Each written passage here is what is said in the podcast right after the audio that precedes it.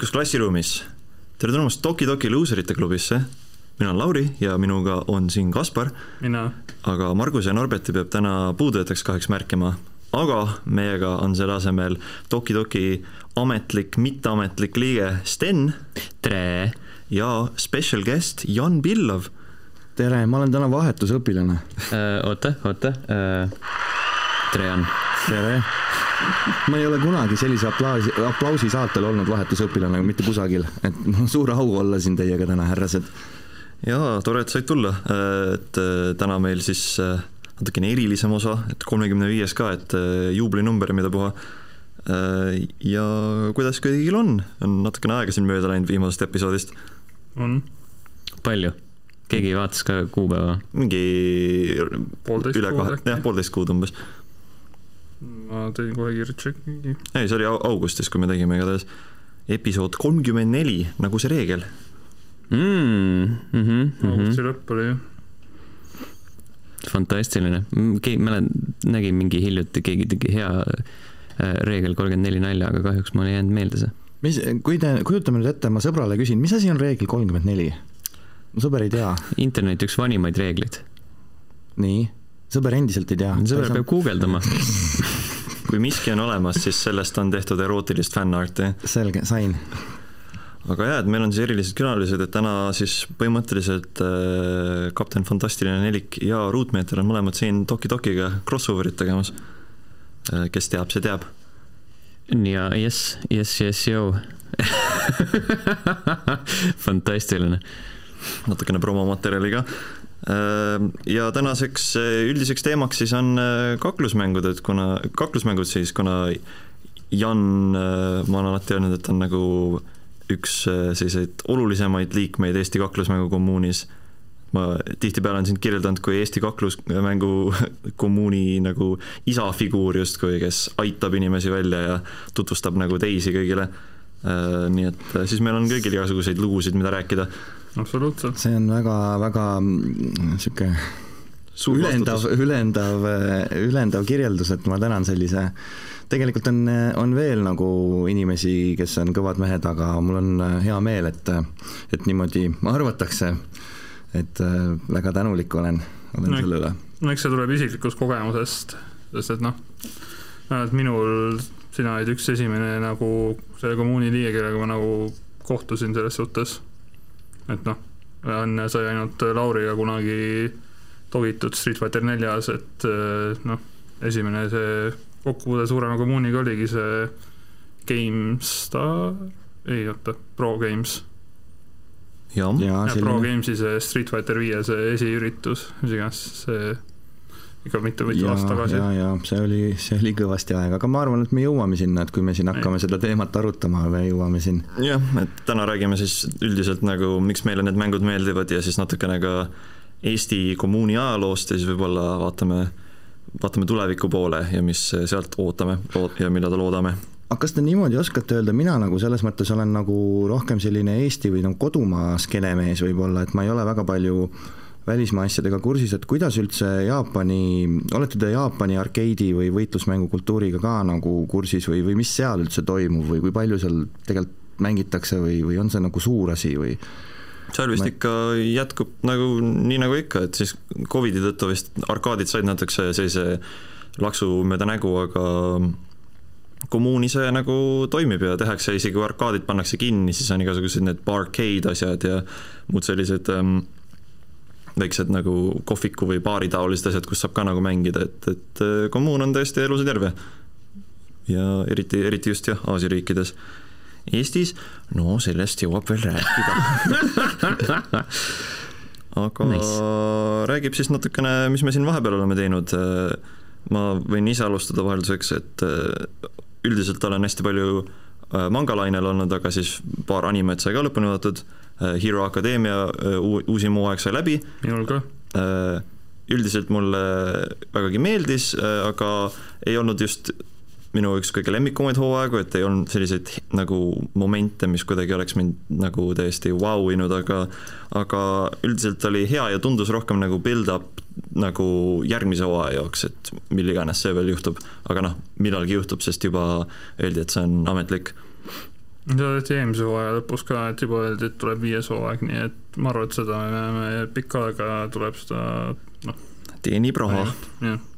siis ähm, natukene inspireeritud Stenilt, kuna Sten siin äh, hakkas lugema ühte väikest viikingi sarja nimega Vinland Saga, hakkasin mm -hmm. ma vaatama Vinland Sagat äh,, sest kuulsin, et adaptatsioon on ka päris hea. Ja on küll, et mul on vist kuus osa veel lõpuni jäänud ja siiani väga meeldib, üsnagi äh, ei oskagi nagu, ei tea, ei tea, kas see nagu täpselt tõsi või selline nagu masendav, aga üsnagi vägivaldne sari ja äh, mulle nagu meeldib see, et mitte ükski tegelane ei ole just nagu hea tegelane, et, et kõik on üsnagi äh, sellised hallid tegelased.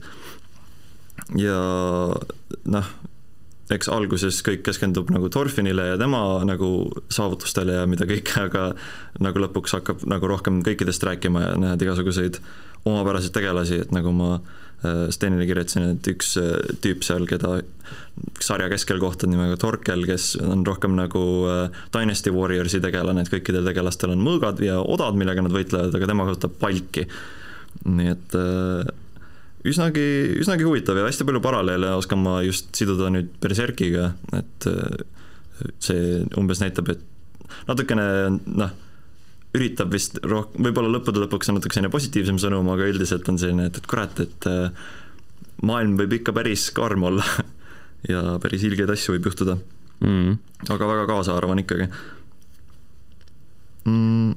aga jah, need on põhimõtteliselt kõik animeasjad, mis sai tehtud, videomängudest sai äh, uusim äh, Yakuza spin-off tuli välja nimega Last Judgment, jõudsin sellest ainult proloogi mängida äh,, so far so good, nii et sellest ma arvan, räägib pikemalt mingi muu aeg, ja muidugi olen mangalainel väga palju teinud, et näiteks Twentieth Century Boys'iga olen ma nüüd jõudnud järgi sinna, kus mul nüüd ta viimati pooleli jäi, ehk seitsmeteistkümnenda volüümi juurde, äh, nüüd saab lõpuks nagu uue, uuele territooriumile minna samuti olen Berserki lugenud väga hoolikalt edasi, et eelmine kord sai ainult esimene raamat loetud, mis on justkui nagu see piloot sai nagu läbi ja nüüd olen rohkem nagu päris asja juures.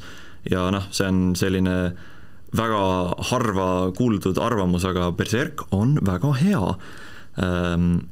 esimest korda kuulen seda mm. -hmm Ja see on mingi sihuke unikaalne avastus, ma ütleks isegi. Hot take võib-olla mm, isegi. on popular opinion, aga Berserk on päris hea. on Berserk hea aga ma arvan, et sellest ma nagu võib-olla räägin pikemalt äh, siis äh, järgmisel episoodil, sest et mul on juba järgmised kaks suurt raamatut tellitud, nii et lugemine ei peatu nüüd lähiajal. ja muidugi tunnen kaasa inimestele, kes võib-olla tahtsid osta, aga ei jõudnud kohe osta, sest esimese ja teise raamatu hind on juba seitsekümmend eurot. Need vahepeal ja kuradi kerkivad ai, ai, ai. praegu muidugi see olukord mangaturul suhteliselt kriitiline hindade suhtes. millest, kas te olete uurinud ka, millest see tingitud on või mis seda nõudlus manga... on nii suur ja nad ei jõua peale trükkida. aa, okei okay see on no. siis Covidil saame ka tänada. ja sellepärast ongi põhimõtteliselt jah. no Berserkil on ka see, et jah, et siis kui Miura nagu autor suri ära, siis hästi paljud inimesed kohe mõtlesid, et ah, et noh, samamoodi nagu minagi, et, et aa, ma pole Berserki lugenud, et nüüd, nüüd on õige aeg osta ja toetada ja siis kõik tegid seda ja siis sai kõik otsa ja need üksikud müüjad, kes nagu veel hoidsid sellest kinni, on nagu tead, äkki ma kahekordistan hinda, sest see oleks hea pränk. Mm.. pränk, pränk, pränk enda rahakotile, saan rikkaks. Fucking pränk. Aga samuti, kuna oktoober sai alguse, siis äh, muidugi nagu alati loen ma Junji Ito äh, kraami. Äh,. see on, olen siin eelkõige tegelenud praegu kolme asjaga, esiteks siis Junji Ito kõige närvekõditavam teos, mis on Yon and Moo Cat Diary, kus ta räägib oma kassidest mis oli niisama selline üsnagi nunnu väike lookene, üsna lühike ka, et äh, sellest tuleb nagu varsti nüüd välja üks hardcover versioon ja siis mõtleme, et nagu mis seal hardcover'iks teha on, et see on umbes sada lehekülge ainult, et, et nagu ongi lihtsalt kaaned ja siis paber vahel yeah. samuti sai ühe vana arve klaaritud, et eelmisel, eelmisel aastal jäi mul pooleli üks tema niisama selline short story'de kollektsioon ja Volume, mis mul jäi pooleli, pöörles ühe tema korduva tegelase ümber nimega Soitsi, kes äh, olen vist umbes aasta aega tagasi mainisin, et see on päris sitt tegelane ja mõtlesin, et kurat, loen tema Volume'i läbi ja jah, oli ikka halb. Äh, et Soichi ise on siis lihtsalt mingisugune veider äh, veider poiss, kellele meeldib äh, naelu süüa, sest tal on veres liiga vähe rauda ja siis ta sülitab naelu inimeste pihta ja teeb niisama mingeid veidraid lolle asju. see pole õudne ja üldiselt, et need narratiivid liiguksid, nõuab, et kõik need tegelased, kes temaga nagu eh, nagu läbi käivad, on idioodid, sest et nagu ükskõik mis inimene, kui sa oled temaga natukene aega toas, siis nagu keegi peaks talle nagu lõuga andma, aga keegi ei tee seda ja kõik on nagu ah, sa oled nii kummaline, nii veider, ahah, sülitasid naela mulle peaaegu näkku, nii ikka juhtub. juhtub tegijatel, noh ja noh, siis muidugi hakkasin lugema suuremat raamatut temalt, mis on siis No Longer Human, mis on ühe Jaapani äh, novelli põhjal tehtud äh, lugu ühest mehest, kes äh, ei suuda inimestega kuidagi mingisuguseid ühendusi luua ja kellel on vägagi suur paranoia ja mida kõike, hästi selline eksistentsiaalne asi ja siis Ito on natukene lihtsalt enda äh, Äh, ilusat illustratsiooni sinna peale pannud. Ja lugedes natukene selle raamatu kohta on ta nagu paar lugu sinna muidugi juurde lisanud, sest nagu ma Stenile kirjutasin, et see oleks natukene noh, kui see lugu peab olema nagu based on a true story, siis sellel vennal juhtus väga palju, et tal nagu väga paljud lähedased lihtsalt surid ära teineteise järel, siis järgmine peatükk, siis suri järgmine inimene ja noh, et õnneks päris nii hull ei olnud, aga päris, päris ilge olevat tal olnud elu ikkagi aga selle ma jõuan arvatavasti järgmiseks korraks ka läbi loetud. ja muidugi kiire shout-out ka äh, bändile, mida ma siin olen vahepeal kuulanud äh, ja olen vist maininud ka, et Survive Set the Profit, üks Jaapani äh, selline rock-metal bänd, nad tegid Vinland Saagale esimese opening'u ja selle, tänu sellele hakkasin nende kraami kuulama ja hakkasid tegutsema kaks tuhat viisteist ja on juba selle ajaga kas siis neli või viis albumit välja lasknud ja kõik väga kvaliteetne, et nende Vinlandi see opening on üsna heavy, aga nad üldiselt on hästi, nagu paljud äh, Jaapani bändid on nad ikka hästi rõõmsameelned ja ja nende nagu message on selline uplifting ja et, et believe in yourself ja mida kõike, et on äh, alati hea selline energia boost neid kuulata ja nad on üks väheseid Jaapani bände, kes on ka väljaspool Jaapanit tuurinud, et nad on isegi UK-s seitse kontserdit teinud, mis on nagu ime, sest Jaapani bändide world tour on Hiina, Korea siis tagasi Jaapanisse, et maailm nähtud. aga need olid siis minu asjad, Kaspar. no nii, et mul on videomängude poolest on ainult üks mäng, aga see oli põhjus, miks mul suurem osa nendest äh, asjadest siia tekkinud on listi. Et ma alustasin lõpuks äh, Digimon Story Cyber Sleuth mängimist, kuna mõtlesin, et noh, võiks mingit äh, JRPG-d üle pika aja mängida jälle. et persona on noh läbi tehtud enamasti, ma ei ole viitsinud neli Goldenit alustada ja siis mõtlesin, et noh, Cyberstudios sai ostetud mingi üle aasta tagasi juba ja mõtlesin, noh, mängiks ära lõpuks ja päris hea on, see tuletab mulle meelde ühte mu lemmikteost äh, lapsepõlvest siis, mis oli Digimon World kaks, et see niimoodi Moby Dick. Vanamees ja meri. Arc de Triomphe, ei. Tema polnud, Moby Dick polnud Pokemon või mitte Pokemon, Digimon, jah, üks ja sama asi. Mm.. head kas-, head Margust siin pole? No sellest ongi kahju, et Margust ei oleks saanud natuke rääkida sellest lähemalt, aga seni ma oskan ainult öelda, et sellel Cyber Sleuthil on hea muusika, sest selle tegi sama vend, kes tegi Danganronpa muusika ja hästi sarnane, kõlab see selline natuke džässilik mm -hmm. kohati. Jaa, päris hea on see mängitavus ja muusika kõik see nii, eks ma pean siis ega mingi hetk hiljem ka muljetud edasi, kui on äh, kaugemale jõudnud mängust, praegu ma olen mingi seitse chapter'it ära teinud ja suht kiiresti tegelikult.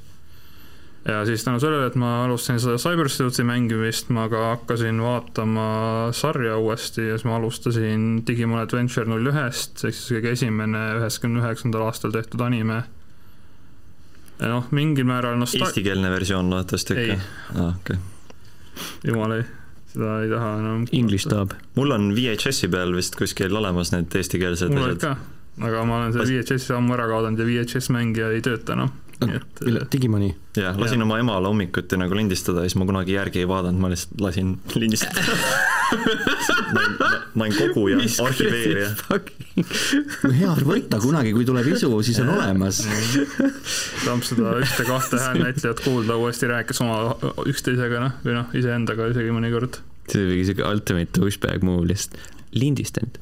kui sa vaatad ka, lindista nüüd see oli power play tegelikult mm aga ei mõtlesin, et vaatan seda Jaapani taabi, Jaapani seda versiooni seekord, kuna noh, see inglise versioon ikkagi on noh, tsensuuritud, muudetud veidi ja no ma siin jah, et prooviks selle originaalkogemusega ära kätte saada. alguses oligi see noh, naljakas natuke harjuda, et tegelased nimed on nagu muudetud eh, ing-, selle inglise versioonis, noh meil tuli inglise versioon üle. aga näiteks ma sain teada oma ma sain teada oma tüdruku käest, et nagu näiteks Horvaatia selles taabis oli hoopis Smooth. jah, et Horvaatia taabis kasutati hoopis Jaapani seda taabi nagu alusena ja siis oli, neil olid nagu Jaapani nimed terve aeg seal olnud, nii et see oli nagu huvitav. kas sa tahad öelda, et Joe ei olegi originaalis äh, jaapanipärane nimi? ei. tegelikult ei, tegelikult tema nimi on ikkagi Joe. The fuck? ja ma tean. ta on mingi Joe? Joe Mama. Jojo. ei, see on, see on, see on kirjutatud mingi J Y O U on tal see nimi Jaapani selles. okei okay.. ja, ta, noh, enamus nimesid on nagu sarnased nagu, nagu Yamato ja Matt ja noh, suva. ja siis äh, jõudsin selle lõpuni vaadata suht hea siiski, kuigi noh, arvestades, et see oli vana tv jaoks tehtud anime, siis oli ikkagi näha seal kas seal oli see kloun, see paha? jaa, see oli Üks üks viimane paha, jah. Piemon. Piemon, Piemon, jah. Pa- Paiman. Paimon. jaa. ja üldiselt jällegi see on näha, et see on nagu vana tv jaoks tehtud laste anime, sest seal on nagu paar äh, sellist nagu kokkuhoiukohta, nagu näiteks see, et äh, seal on vist iga rünnaku jaoks on ainult üks animatsioon, mida nad kasutavad kogu aeg. ja siis ongi, et äh, nagu tegelane on maas ja siis selle asemel, et nagu kohe rünnatada, ta tuleb õhku tõusma, sellepärast et see ainuke animatsioon, mis selle jaoks on tehtud, on see, et ründab õhust. mis on nagu väga naljakas vaadata nagu osast osasse lihtsalt, kuidas nad korduvad. kui see pole katki, siis ära paranda seda No see tehnika küll. ei ole neid varem alt vedanud. seda küll, jah. aga kõige naljakam on see, et need, minu arust need äh, rünnaku, need animatsioonid on opening ust pärit. mitte isegi nagu sarjast endast kuskilt. ma arvan, et ikkagi opening on pandud kokku no seda küll. vastu, jah, et ei, aga, aga seal on, aga seal on unikaalset animatsiooni ka opening us, nii et kes teab, mis enne tuli, kana või muna. Mm -hmm. ja noh, muidugi peab digi või poke. peab ütlema, et see, see kuulus äh, laul, mida kõik teavad ka, ei ole muidugi originaalne tunnusmeloodia, et äh, Jaapanis on see Butterfly. Butterfly. Mulle, mu lemmik on see Brasiilia versioon sellest, kus mingisugune suvakas tädi on green screen itud selle opening'u üle ja siis laulab seal ja aeg-ajalt kaob ekraanilt ära ja siis tuleb tagasi jälle. see on, see on ka huvitav asi, mida vaadata, see on selline samasugune kultuuriline, kultuuriline anomaalia nagu Saksa Naruto opening. Saksa Naruto opening oli ikka jah, päris hea ka. jah, jah, või Saksa, või see Saksa Dragon Ball Z opening, kus tädi laulab Eurobeat taustal sellest, et on vaja leida Sieben Dragon Balls. Nad vist ei, ei saanud seda memo kätte, et see Z on nagu eraldi asjadest, aga noh, Dragon Balls Mhm. kõlab nagu üsna huvitav, kas äh, Saksa, lohemunad. kas Saksa tuubist võib leida mingi kuradi tseeni, kus keegi karjub Mein Balls! Stolhen mein Dragon Balls. nii. siis teine asi, mis ma vaatasin Digimoniga seoses, oli üks äh, CGI film aastast kaks tuhat üks, see on see Digital Monsters X Evolution. ma kunagi ammu vaatasin seda mitu-mitu aastat tagasi, kui ma uuesti vaatasin seda, ma sain aru, et see film on tegelikult äh, suhteliselt, ma sain enamus süžeest teada ausalt öeldes Vikipeedia artiklit lugedes sellepärast, et nagu filmis ise ei seletatud väga hästi ära. aga noh, see oli hea action, oli lahe nägi välja. That's how I like my Digimon abstract. et see oligi jah, lihtsalt nagu osad, Picasso on.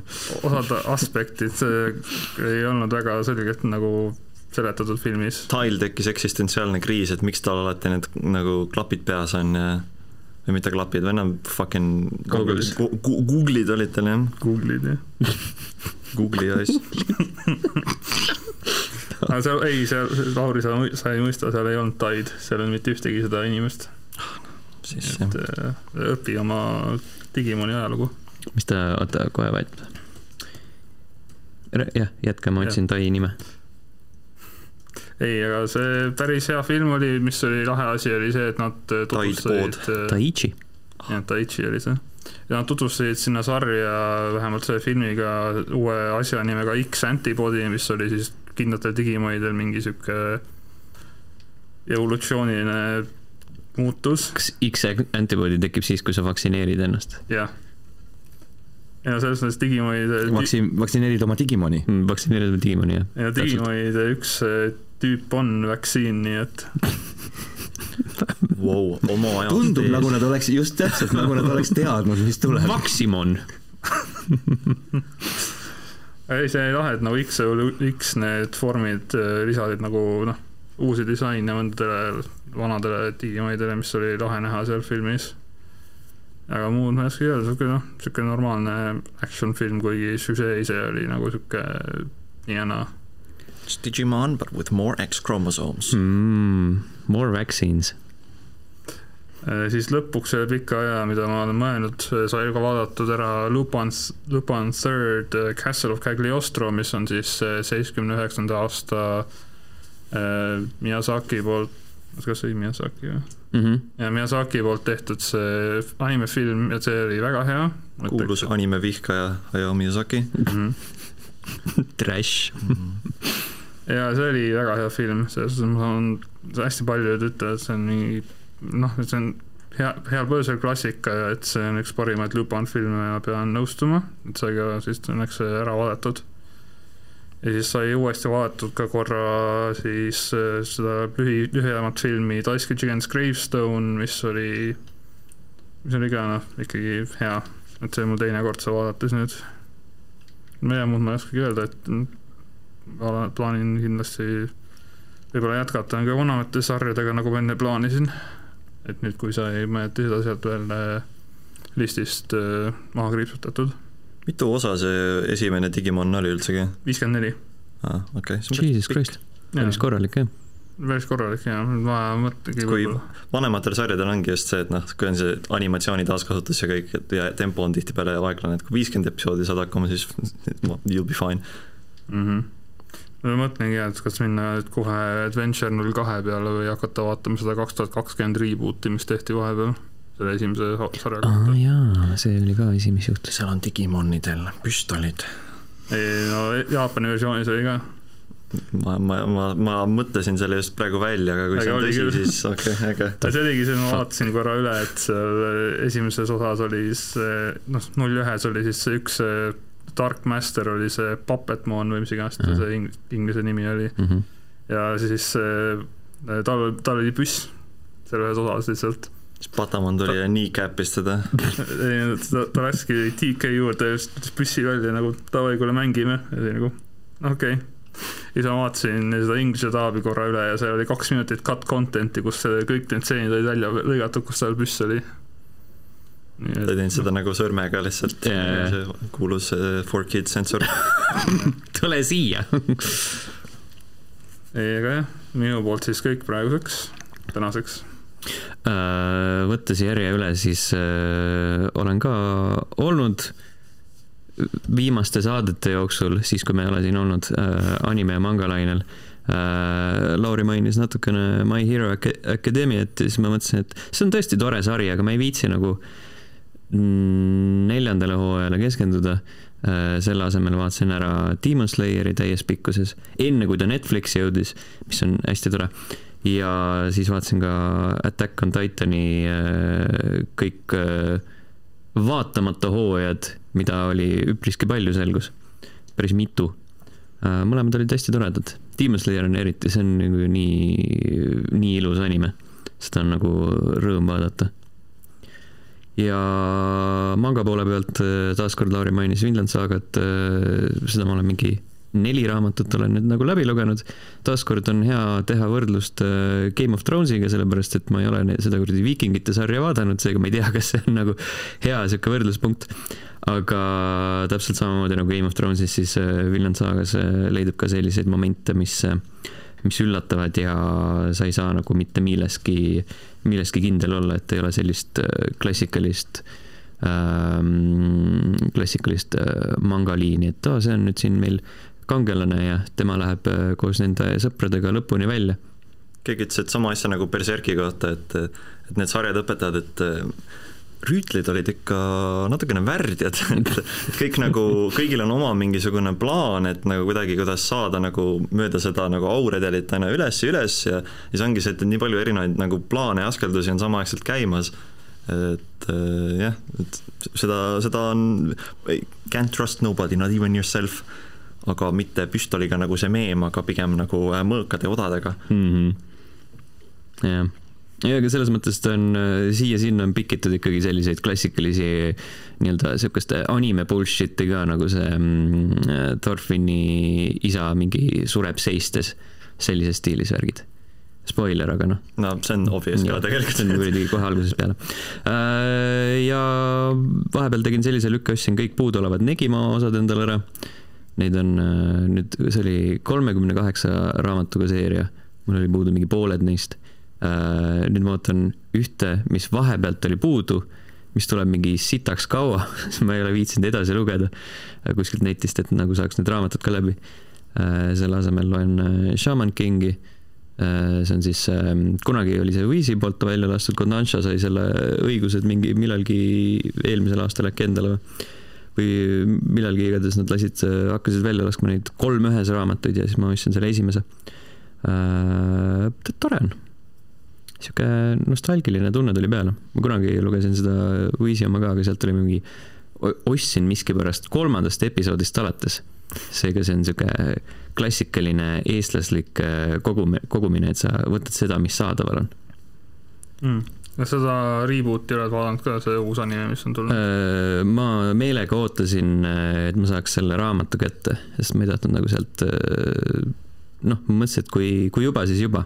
Et äh, alustaks sealt, kus mul nagu, kus, kus mul nagu see asi pooleli on, ainult et noh, tulles korraks tagasi ja siis uuesti edasi minna äh,. aga ma kavatsen küll äh,. see on ka õnneks Netflixis, ei pea seda kuskilt kaugelt otsima, nagu Demon Slayerit ja siis äh, viimase asjana väike Toki Toki luuserite klubi eksklusiiv esmamuljed Metroid Dreadi kohta. mängisin mingi tund aega äh,. hästi ilus on hästi tore on, äh, mitte sittagi ei saa aru äh, äh,. sihuke korralik äh, metroidilik hullus, et käid mööda seda kaarti, üritad aru saada, kus sa saad minna ja kuhu sa ei saa minna äh,. mõtled, et okei okay,, et huvitav, miks ma siit edasi ei saa. Ja siis, siis tuleb me, nagu see realization, et aa, okei okay,, mul on vaja mingit, mingeid võimeid leida ja siis ma pean siia tagasi tulema. Ja siis seal on nagu äh, treedis, noh, nagu nime, nime annab mõista, et seal on nagu sellised hirmsad kohad, kus mingid sind tüübid ajavad sind taga. Ja siis nagu need sektsioonid, seal on ka mingid konkreetsed ülesanded, aga sa ei, nagu ei jõua neid teha, sest need tüübid ajavad sind taga. Ja siis, kui sa üritad nagu enda peas seda ruumi kaardistada, kus sa oled, siis seda ka ei jõua teha, sest nad ajavad sind taga ja sa üritad nagu ellu jääda. Äh, pluss seal on nagu mingid veidrad nupukombod, et hoia seda nuppu all ja siis sihi selle nupuga, samal ajal hoia seda kahte nuppu veel ka all ja siis vajuta kolmandat. ja siis äh, see asi kisub äärmiselt segaseks. see mäng on äh, selline, mis nõuab harjumist ma lugesin äh, mingi, Twitteris juba kirjutatakse, et mingi, mingi artikkel ei rääkinud väga hästi, et, et Metroid on siis Metroidvania stiilis mäng ja siis kõik on nagu Metroidvania stiilis mm. -hmm. Mm -hmm. Puts the Metroid in Metroidvania mm., believe it or not ja siis äh, nüüd ma saan aru Steni jutust, et survival horrorit on ka sisse veidikene nagu Natukene, lükatud. see ongi see dread osa. Spooky. Spooky. jaa, sihuke oktoobrimäng, see on normaalne uh kosmoses ei kuule keegi, kui sa karjud ja noh, Samas ei karju väga palju, ta ei ütle väga midagi. Mm ta on rohkem niisugune tulistaja Other M-is ütleb tegude. põhimõtteliselt küll ja ta on nagu väga tegude naine, seal on äh, mitu stseeni ka, et nagu lihtsalt tummalt vaatame nagu neid vastaseid ja esimene asi, mis ta teeb, nagu kuradi kohe hakkab sihtima, võib-olla, võib-olla mingi suvaline tüüp, kes lihtsalt nagu sattus sinna, ei, kohe on mingi ma siit peale. arvan, et äh, Samus on nii palju juba eelnevalt, tal on kogemusi mm, -hmm. ta teab, millal mõelda ja millal tulistada. ta on lihtsalt selline, et kuradi parem karta kui kahetseda nagu vot, need olid äh, minu asjad Jan? mul on, äh, seda on huvitav kohe kuulata kõrvalt, mina nagu olen, äh, olen natuke võib-olla esindanud niisugust äh, sellist lihtrahvast ja, ja talupojarassi, et mangat ma lugeda ei saa väga lihtsal põhjusel, ma ei oska. et ma ei viitsi ainult pilte vaadata aga, aga ma olen vaadanud ma pean selle kõigepealt ära mainima, et enne kui te rääkisite Digimonist, siis oma kusagil põhikooli ajal, noh hommikuti ma vaatasin vist kõik ära, mis näidati. kõik osad, eesti keeles loomulikult, aga see oli üks selliseid äh, mitte kõige esimene, aga üks esimesi animega kokkupuuteid ja noh, ma ei saanud tollel ajal aru, et, et sihtgrupp on nagu lapsed ja ta on niisugune noh, ma vaatasin nagu real animet, et okei okay,, mingi kõik ju vastab standardile ja väga äge oli ja väga nautisin. Aga mhm. viimasel ajal äh, ma ei vaata seriaale, sest mul ei ole hooaegade jaoks aega, mulle meeldib vaadata täispikka äh, nagu filmi, poolteist tundi ma võtan selle aja ja, ja naudin, et äh, Miyazaki nimi käis enne läbi, et ma just vaatasin siin, Netflixis on äh, väga palju tema, tema asju üleval. Et äh, kõik, kes tahavad Netflixist lihtsalt äh, paned otsingu baari peale anime ja sealt tegelikult saab päris palju väärtmaterjali juba kätte. ma vaatasin äh, The Cat Returnsi ära ja vaatasin ära, ma ei oska seda nime vist hääldada, Arieti äkki. Need ei ole muidugi Ghibli stuudio, Arieti ei ole vist Ghibli, kui ma õigesti mäletan, aga aga need mulle ühesõnaga filmidena väga-väga meeldisid. ja üks film, mis mulle veel jättis sellise hea mulje, oli äh, äh, Pokemon no Go, A Boy and a Monster. see on äh, kusagil vist kaks tuhat viisteist aasta film peaks olema. Ja, ja see oli selline, läksin, keegi soovitas, vist töö juures kolleeg vist isegi soovitas, läksin nullootusega sisse et noh, vaatame, mis siin tuleb ja, ja kui läbi sai, olin väga rahul, et olin ette võtnud selle, see oli väga-väga äge film. ja, ja tegelikult ma rohkem ma proovisin muidugi noh, see, see Netflix on selles mõttes libe jää, et ma vaatasin äh, Beastarsi ära, ei meeldinud, ei, ei nautinud Ra mitte midagi. Rasmus pöörleb hauas Rasmusele vist meeldis väga Beastars. ei, ma ei, selles mõttes ma ei taha midagi halba, noh, selles mõttes, et jumala eest. see pole kõigile. see pole kõigile. tal oli, tal oli raske seda Discordis ka osadele meie regulaarinimestele müüa, sest et selle animatsioonistiiliga on juba nagu teatud stigma küljes. no CGI-ga on jah, kõige no, paremad. no see ja no.. It's for furries. ma alustaks, ma alustaks võib-olla juba. mis me peksame ümber põõsa ma alustaks juba võib-olla kaugemalt, et nagu juba kogu anime võib-olla ei ole kõigile et noh, et see on juba no, see, nagu nišš nišis, eks ju, ja, ja sellepärast mina nagu ei, mind see Furry'si teema nagu ei häirinudki või see nagu anime ongi ju, selle asja mm. point ongi see, et see sa vaatad nagu näitab. midagi muud, mis on Hollywoodi looming või mis iganes, see on ju kogu selle asja võlu, eks ju. aga lihtsalt see temaatika ja, ja kogu see lugu ja need suhted, see, see ei pakkunud mulle mitte mingit huvi mm., et äh, ja siis kõik on nagu rääkinud, et äh, One Punch Man pidi väga hea olema. Ja ma hakkasin seda vaatama ja, ja ta oligi mingi esimesed neli episoodi oli päris hea. ja siis, kui ma sain aru, et ahah, okei okay. et see on siis nüüd anime sellest, kuidas üks vend ühe hoobiga seljatab või siis alistab pahalased, siis mul kuidagi sai nagu isu otsa või ma, ma ei leidnud enda jaoks, ma ei jäänud sinna konksu otsa kinni nagu peale mingit kolme-nelja osa, ma ei leidnud seal midagi nauditavat. ma saan ausalt öelda, et isiklikult on suhteliselt sama kogemus sellega olnud tegelikult, ma vaatasin ka mingi esimesed kaks, kolm-neli osa ära ja siis ma sain, mulle isiklikult ka nagu ei meeldinud see nagu nii palju. mulle see nagu, see vi-, visuaal mulle meeldis ja kogu see ülesehitus, need vastased, kes seal on ja kõik see, see huumor ja kõik, ma saan nagu aru, miks see meeldib inimestele, aga lihtsalt see ei olnud nagu minu teetass, ma nagu ah, okei okay,, ma ei viitsi seda vaadata mm.. ja, ja sama lugu oli. kui sarnasel lainel tahad muidu midagi, siis Mob Psycho, ma arvan, on ka soovit-, ma ei tea, kas ta on Netflixis olemas. ei usu mm., ei tea seda nime, ei mäleta. ta on põhimõtteliselt nagu noh, sama looja ja siis on ka muidugi see, et sul on peategelane hästi nagu overpowered ja ka äh, ülivõimas, aga seal just rohkem keskendutakse sellele, et, et ta on nagu supervõimete poolest on ta nagu selline ülimalt tugev, aga nagu tavainimese oskustena ja suhtlemises on ta väga nõrk ja siis see näitabki, et kas see, et tal on nagu supervõimed, teeb temast nagu parema inimese ja nagu kuidas ta nagu hakkab sirguma nagu ja nagu üritab paremaks inimeseks just saada okay.. et seal natuke mindi sellisele ta oli natuke rohkem äh, samastutav kui One Punch Man. kas ta oli natuke nagu tõsisema alatooniga, see One mm. Punch Man on ju ikkagi nagu nali, ma saan aru, et see Nad on mõlemad pigem sellised pigem huumorikamad ja, ja. One Punch Manis on muidugi see teema, et nad äh, äh, noh, natuke peale seda, kui sina lõpetasid, tutvustavad hästi palju uusi tegelasi. et siis muuta nagu seda mitmekesisemaks, et ei oleks ainult äh, üks tüüp, kes äh, lööb ühe löögiga kõik vastased. Saitama pole nagu see fookus terve aeg mm -hmm.. okei okay ja, ja teine asi, mis mul kuidagi ka ei klikkinud üldse, mis ma hakkasin vaatama, tegelikult oli Toro He Toro, ka sealt hääldatakse nii või Jah. yeah.? sealt äh, ka Netflixist, aga no pff, ei ole, noh, kui me, kui me räägime, eks ju, anime maitsest ähm,, ma ei tea, mulle meeldis väga-väga meeldis näiteks Samurai Champloo, see on üks mu lemmikanimaid läbi, läbi aegade. Ja sellisest võib-olla veidramast sürrusest mulle näiteks Chobitsu väga meeldib. mis see, Cromarty High School või Cromarty High School. Jaa, et noh, et, et äh, Toro He Toro, see ei ole lihtsalt minu jaoks, et ma tahtsin nagu proovida, mis ta on, ma vaatasin seda, aa okei okay,, selge, see on see, ja siis ma sain aru, et ma ei taha seda rohkem vaadata, et lihtsalt äh, ta ei ole halb, aga see ei ole see, mida mina nagu hetkel otsiks võib-olla, kui ma midagi, midagi nagu selles valdkonnas vaadata sooviksin. ta on mu üks uusi kõikide aegade lemmikuid, aga ta on jah, selline, ta on hästi kummaline segu nii paljudest asjadest, kõik, kõik ühte potti visatud ja sealt saabki päris, päris kiiresti aru, et kas see nagu on sulle või mitte, sest seal nagu seda maailma ka, et noh, see on miski, mis inimene võib näha kas miinusena või mitte, et, et sind visatakse just sinna veidruse keskele ja öeldakse, et okei okay,, nii asjad ongi ja harju ära, et seal ei, nagu ei selgitata nagu nii palju, et see on kas selline, et mõtled, et oh, naturaalselt ehitavad maailma, ongi selline, et oh kurat, ma ei saa aru, mis toimub ja et kõik tundub nii kuradi võõras ja võigas, et äh, see on jah, selline mitte kõigile. Aga kui, ja kui võtame hästi kiirelt veel kokku võib-olla, et siin Beastarsi mainisime ära, aga, aga näiteks äh, Agres-, Agretsuko vist oli, see on siis äh, kontoris, no see on ka loomad, kontoris töötavad üks, üks siis ma ei, ma ei teagi, mis ta ülesanne seal on.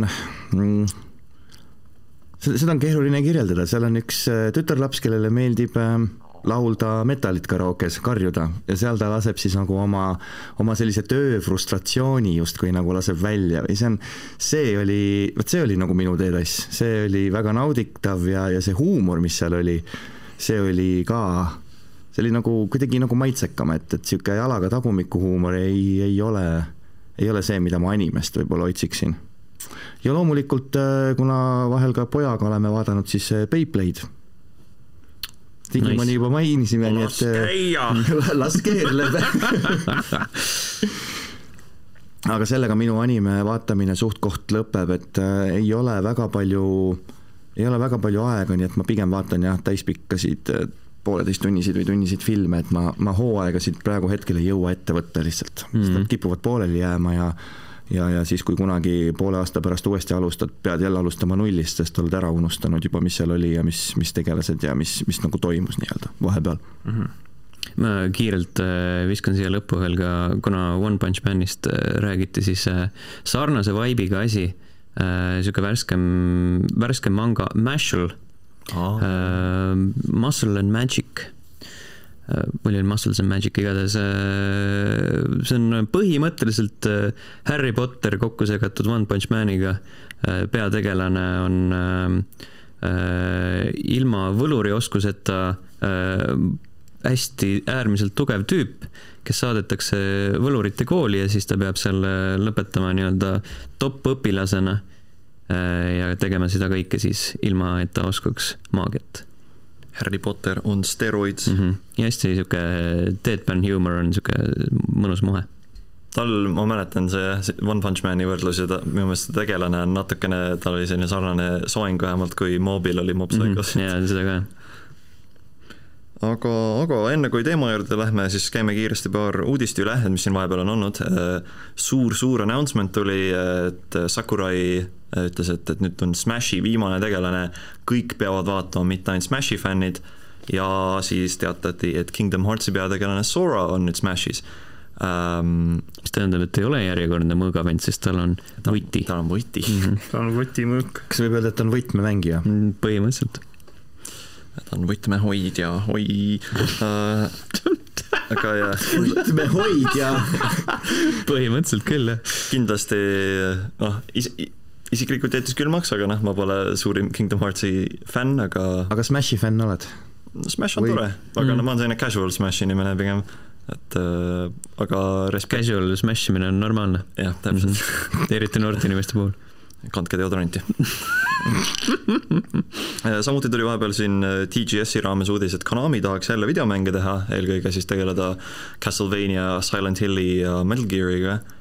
uh, ma ütleks, et need esimesed kaks nagu andke minna, Metal Gear natukene on nad tõestanud, et nad ei oska väga midagi sellega teha, aga Castlevaniaga nad on uh,, nad pole nagu uut mänge teinud, aga nad on portinud neid vanemaid nagu rohkem platvormidele, see on nagu saanud tegelikult vägagi positiivset tagasisidet. et uh, nüüd on ka juttu, et on tulemas vist um, uh, remaster uh, Metal Gear Solid kolmele mm, -hmm. et uh, mul on tunne, et kui nad pigem piirduksid jah, võib-olla portimise ja remaster itega alguses, äkki sellega suudavad nad natukene mingit rahva heaolu võita ja siis proovige midagi uut teha, sest praegu inimesed on pigem skeptilised. Metal Gear Solid kolme portimine või no remasterdamine on geniaalne lüke, sellepärast et neil on need äh, superkvaliteetsed vahevideod juba Pachinko jaoks tehtud. jah, Fox Engine'iga tegid mingid aastad tagasi. aga muidugi Metal Gearis, kuna see maailm või see loor nagu seal on nii meeletult suur, et tegelikult ei pea ju noh, seal saaks igasuguseid asju ju teha, seal on nii palju tegelasi ja nii palju variatsioone, et ega see ei pea ju olema mingite nagu Snake'ide mingi tee-, noh, ma, ma mõtlen, et seal võiks ka midagi uut ju proovida teha, midagi kuidagi, kuidagi nagu teise nurga alt äkki tulla või seal materjali on ma ju et Konami, Konami üritas teha seda Metal Gear Survive'iga.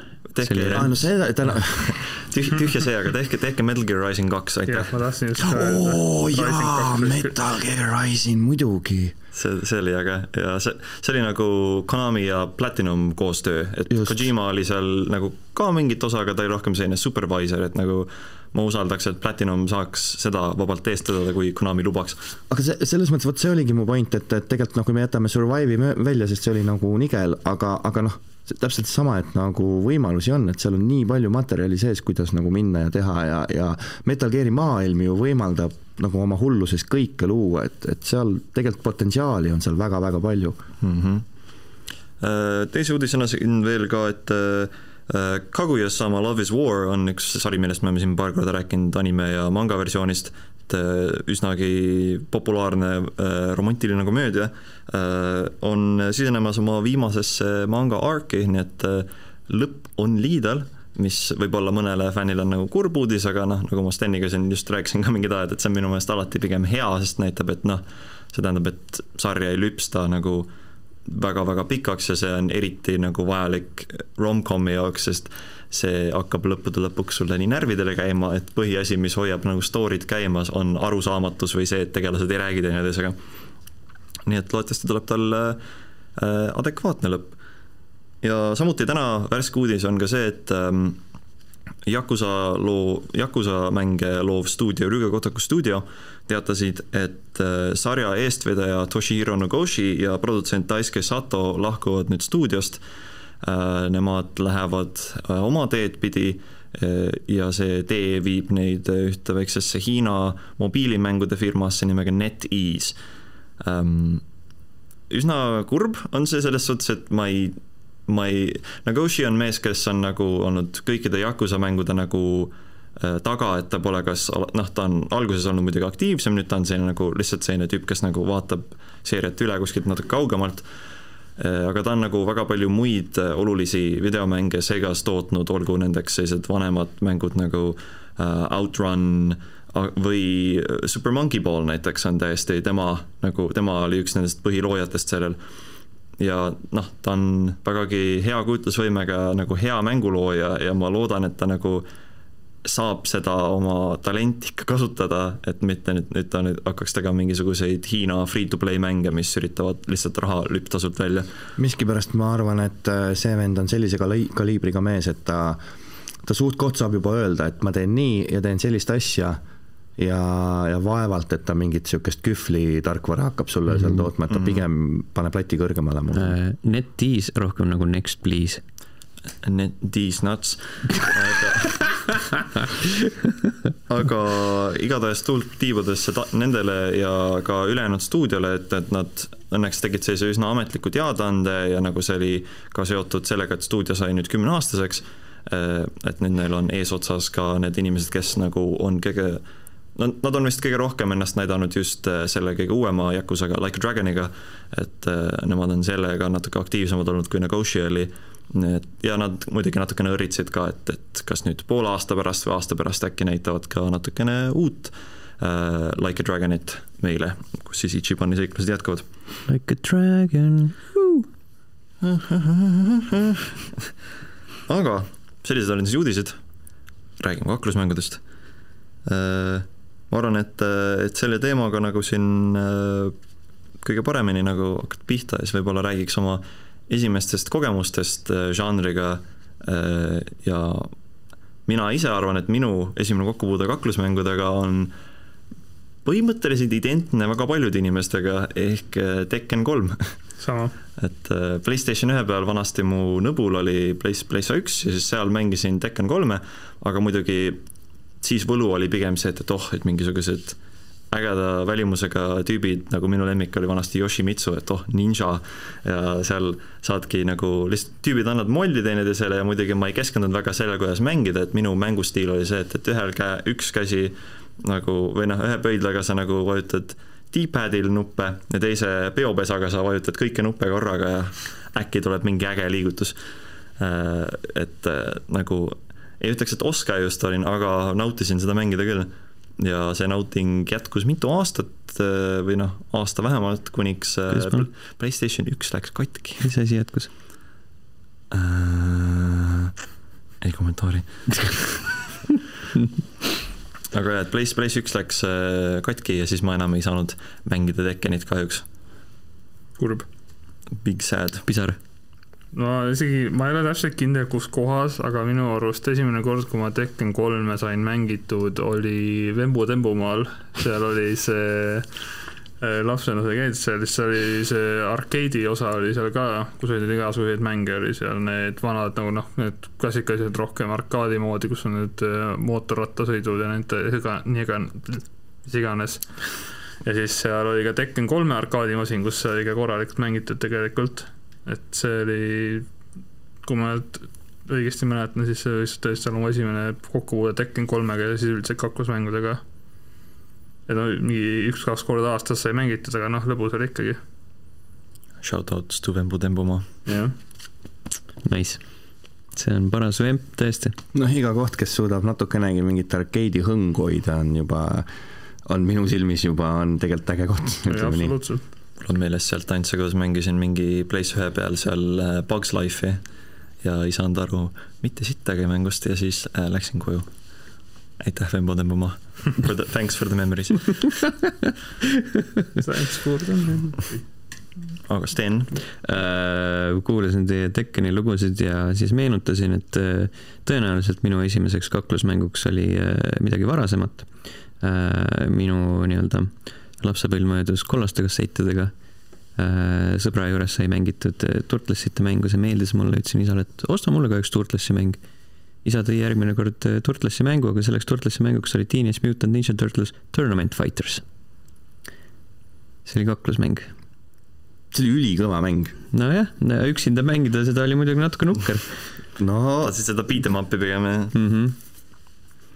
ma peaks ütlema, et ma panin sinna Tournament Fighterisse mingi meeletu palju tunde üksinda sisse kodus, nagu meeletu palju, sest see oli nii äge aga sorry, räägi edasi. ei, aga siin midagi ei olegi, mina nii palju meeletult ei pannud, natukene, aga mitte meeletult.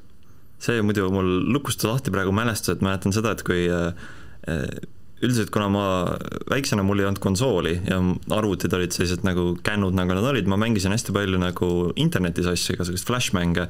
Ja üks kaklusmänge, mida ma mängisin, oli vanasti Cartoon Networki koduleheküljel oli üks Teen Titansi põhjal tehtud kaklusmäng. ja siis ma mängisin seda väga palju, aga seal oli selline klassik nagu ähm, nagu nüüd ma saan paralleele luua Mortal Combatiga, kus nagu teatud tegelastel on need liigutused, kus sa võtad alla, alla, üles ja siis tegelane hüppab nagu ekraanilt välja ja siis tuleb ja tammub teise peal. siis ma põhimõtteliselt mängisin ühe tegelase, kellel oligi see ainult see liigutus siis mingi arvutiklassis sõprade vastu, lihtsalt oledki mingi alla, alla, üles, alla, alla, üles, alla, alla, üles ja siis äh, kõik arvavad, et sa oled jobu. Mm.. Äh, üks esimestest kaklusmängudest, mis mulle meeldis vist oli tõesti Playstation ühe peal, see oli äh, Wu-Tang Clan Shaolin Style. Uh see oli äh, originaalselt äh, Thrill Kill, mis siis muudeti ümber äh, Wu-Tangiks äh,. vabandust, Wu-Tang Taste the Pain Euroopas. voh. aga kusjuures see Tournament Fight, Turtlesi Tournament Fighter oli ülikõva. Ma õppisin seal, kuidas, tähendab ma ei, noh, ma ei saa öelda, et ma õppisin Shoryukeni selgeks, ma sain aru, et kui sa pöidlaga seal uhad kuidagi D-pad'i peal edasi-tagasi, alla ja edasi, mingi lihtsalt nugistad seal näpuga ja vajutad, et siis, siis Casey Jones tegi oma kaikaga seda, tema versiooni siis nagu Shoryukenist. aga mu kõige, kõige, kõige esimene kokkupuude on, see on naljakas, see on mul nii hästi meeles, see oli äh, väikses linnas, kus ma elasin, seal siis oli äh, toidupoe ees mingil hetkel pandi sinna mängu arcade-masinaid, mingi, me räägime üheksakümmend, äkki üheksakümmend midagi, mida, ei, kroonid olid vist juba olemas, no vahet ei ole, ütleme üheksakümmend kolm. ja, ja see mäng oli World Heroes, see oli äh, siis ma mõtlen, kes see tootja, see oli Neo Geo mäng, aga ma ei mäletagi, kes, SNK vist. siis peaks Ar olema SNK kui Neo Geo. ma arvan küll, sest nemad need põhi nagu mängud sinna tegi, jah, vist mm -hmm, SNK, SNK jah. ja, ja enne seda seal oli veel niisugused nii-öelda beat em up tüüpi mängud olid olnud, et, et Senkokud ja asjad, et lähed, eks ju, vasakult paremale, lähed vestele üle tahi ja lähed edasi. ja siis see oli esimene selline nagu kaks tegelast omavahel võitlevad see nägi ülilahe välja, sest, sest... Äh, Alfa Densi äh, abistas SNK. aa, okei okay,, okei okay ähm, kuna kung fu filmid olid juba väiksena, oli väga teema, siis seal oli, äh, seal olid ninjad ja üks äh, mingi maha vehitud, ta vist, võitleja nimi oligi vist Dragon, kes oli Bruce Lee pealt umbes, terve see roster tegelasi oli kuskilt maha vehitud põhimõtteliselt. ja, ja World Heroes oli mu esimene kokkupuude võitlusmängudega, ma ei saanud mitte midagi aru ma üritasin nagu seal alguses, alati võitlusmängude alguses arkeedis ju näitab, mis nupud on, et üks on sul nagu light punch ja heavy punch ja light kick ja heavy kick, ma sain aru, et heavy kick'iga ma teen kõige rohkem tämmi, et ma peaks ju võitma, kui ma seda hästi kiiresti vajutan aga, aga ei võitnud ometigi. ja, ja ma panin sinna, ma ei tea, lugematu arvu vanemate poolt antud taskuraha jätsin sinna poe ette automaati. et see oli mu esimene selline kokkupuude. ja mingil hetkel ma mäletan, et et sinna kohe, kuidagi see mäng sai nagu populaarseks, seal oli kohe mingi noorte sihukeste poiste mingi järjekord ootas seal automaadi taga. aga see ei olnud nagu arcade rules järjekord, et paned mündi ja võitja jääb lauda, vaid see oli see, et sa mängid arvuti vastu, kuni sa saad surma ja siis hakkab järgmine mees mängima nagu arvutimeeste vastu, et mingit sihukest noh, arkeedi kultuuri üheksakümnendatel Eestis noh, pole olemas, ei teadnud keegi ööd ega mütsi, et ime, et need mängud nagu, nagu olid. et see World Heroes, see oli, see oli kõva sõna ja sealt edasi ähm, mul oli ka kollaste kassettidega masinavärk ja seal olid mingid äh, noh, nagunii kõik olid Eestis, mis levisid, olid piraadid, aga mul oli mingi Street Fighteri versioon. Street Fighteris muidu vist on mingisugune, ütleme, Street Fighter kahes oli äkki mingi kaheksa tegelast või, originaalis või midagi siukest. aga seal minu versioonis oli mingi pff, kolmkümmend kaks tegelast, ehk siis need kaheksa tegelast eri värvides ja mingi eri nagu eridisainiga, aga täpselt samad move list'id, täpselt kõik sama asi, lihtsalt oli, keegi oli copy paste teinud tegelastest ja et noh, meil on nüüd rohkem siin mängus pakkuda. Mm.. see oli niisugune väga puine NES-i järele, järele tehtud nagu kloon, et äh, mängisin, sest midagi, noh, latt oligi nii madalal, ei teadnud ju, et midagi paremat on, et väikse poisina, noh, ma mängin seda, mis mulle antakse. mm. Ja, ja sellest, seda Street Fighterit ja Mortal Combati, Mortal Combat üks oli mul ka isegi NES-i klooni peal, mida ma ka mängisin, mis nägi välja ka päris kohutav, sest arvutiversioon sellest mängust oli kordades ilusam, aga aga noh, kannatas mängida, et kodus isu mängida oli suur ja, ja noh, mis sa ära teed. mul ühel klassivennal oli kunagi ka Mortal Combat nagu arvuti peal, et see mul väga-väga palju pole meeles nagu selle mängimisest, aga ma mäletan seda, et, et mitte keegi ei osanud fatality'si teha, sest et see oli nagu ikka omaette kunst, aga siis olid mingid need äh, demod vist või näidati nagu, kui sa lihtsalt ootad menüüs ja siis seal on mm -hmm. vau, et nii, nii vägivaldne. Ja siis ma mäletan, mängisin, et noh, mina seda mängu nagu kodus küll mängida ei saaks. Et, et, et tolle aja kohta oli see ikka kõva sõna, et juba see juba see nimi, et mäletan, kui ma ütlesin, et noh, küsiti, et mingi, mis sa mängisid täna ja siis ma ütlesin, et tahad Mortal Combatit, siis nagu hmm, kõla, ei kõla nagu nii hästi ja siis ma mõtlesin, oh shit, inglis, inglise keele õpetaja, tema teab, millest ma räägin, oh fuck. see kõlab nagu sa ei peaks rohkem arvutiklassi minema uh, mis su lemmikmäng on uh,? Happy Fun Times. Friendship Fighter, I mean, oh shit jah, aga mul endal nagu ajalugu juba teeb pärast seda selline üsna pika hüppe, nii et, et kui kellelgi on mingisuguseid lünkasid täita, sest minu äh, minul ongi selline, et, et nagu lapsepõlves mängisin nagu kaklusmänge ja siis järgmine kord, kui nagu neid üles korjasin, siis kui hakkasin juba tõsisemalt võtma, mis siis on ühe väikse, väikse mänguseeria neljanda osaga seotud, aga on kellelgi mingeid äh, asju, mis vahel juhtus, enne kui asi e-spordiks muutus? Äh, ma mängisin kollaste kasseti peal äh, samuti mingit piraatmängu, piraatversioon mingist Dragon Balli kaklusmängust, mis ei oleks tohtinud seal olla, sest see nägi kohutav välja ja tundus kohutav nägin Onlyplays mängisid mingi aeg oma kanalil ka mingit Dragon Balli mängu, mis nägi päris kohutav, kohutav välja, et neid on nii palju, et mm. -hmm. ja paljud neist on kohutavad see, see võis, see NES-i, mis see kloon siin oli, see võis vabalt olla mingi GBA mängu või selle GameBoy port lihtsalt või see võis olla, no tavaliselt nad mingit downgrade'i siis NES-i pealt ka isegi. GameBoyl oli küll mingi Dragon Balli kaks mäng, vist oli GameBoy Advance'il isegi, ma olen midagi olen näinud videoid selle kohta netis, ma tean. rohkem ise ei oska, ma olen ikka, minul Dragon Ball, noh, kui me mainime juba Dragon Balli, siis ma olen ainult mänginud Dragon Ball Tenkaichi kolm Blasti PS2 peal ja siis natuke Dragon Ball Fightersit, mis mulle ei istunud, aga see on selleks, natuke liiga kauge, kauges tulevikus juba võrreldes sellega, mis me praegu räägime. mul nagu, ma mäletan, et mingil põhjusel, ma ei tea, mulle nagu idamaiste võitluskunstide filmid on algus, noh, väiksest peale on meeldinud kuidagi. miks, ei oska öelda, aga, aga nii on. ja siis ähm, hakkas äh, reklaami ma ei tee, üks telekanal hakkas näitama sellist saadet nagu Küberruum ja see oli jumala äge saade, seal näidati videomänge ja, ja sealt näidati nagu ka, mina nägin sealt esimest korda Tekken kolme vist ja Bloody Roar'i ka äkki või, sest et äh, mul endal Playstationit tollel ajal ei olnud. aga, aga sealt nagu oli näha neid noh, ütleme, et sealt ma nägin nagu tõsisemalt või, või sain nagu rohkem aru nendest võitlusmängude asjadest, et äh, see niisama kuskil see World Heroes'e mängimine või, või selline noh ega alguses ju võitlusmängudega ongi see, vaata nagu sa Lauri ka kirjeldasid, et sa võtad selle puldi ja hakkad lihtsalt äh, nuppe uhmerdama, et vaatame, mis juhtub, et ega samamoodi minul ju ka, ma ei, ma ei saanud mitte midagi aru, mis seal toimub, et mingid special movie'd on või mingid EX-i mingid meetrid või noh, see oli täiesti teisejärguline, et kõva jalaga ma löön kõvasti. Ja mingil hetkel, vot meil oli see huvitav, et äh, me käisime kõik seal külakoolis ja siis mingi mees ütles, et kui sa teed nagu joystikuga World Heroes'es, teed terve ringi peale ja vajutad äh, hästi kiiresti light punch'i nagu kiiresti kogu aeg, siis mingid tegelased viskavad tulepalle, ehk siis nagu Hadouken. ja siis me mängisime, ma mäletan, me World Heroes't mängisime nii, et meil mõnikord ei olnud nagu sõbraga ei olnud tervet, äh, noh, ei olnud krooni aga meil oli kokku kahe peale kroon. nii et üks mees tegi joystikuga ringi ja teine andis nagu low punch'iga andis nii kiiresti kuuma, kui ta suutis nagu, et lihtsalt kogu aeg lendas tulepalle.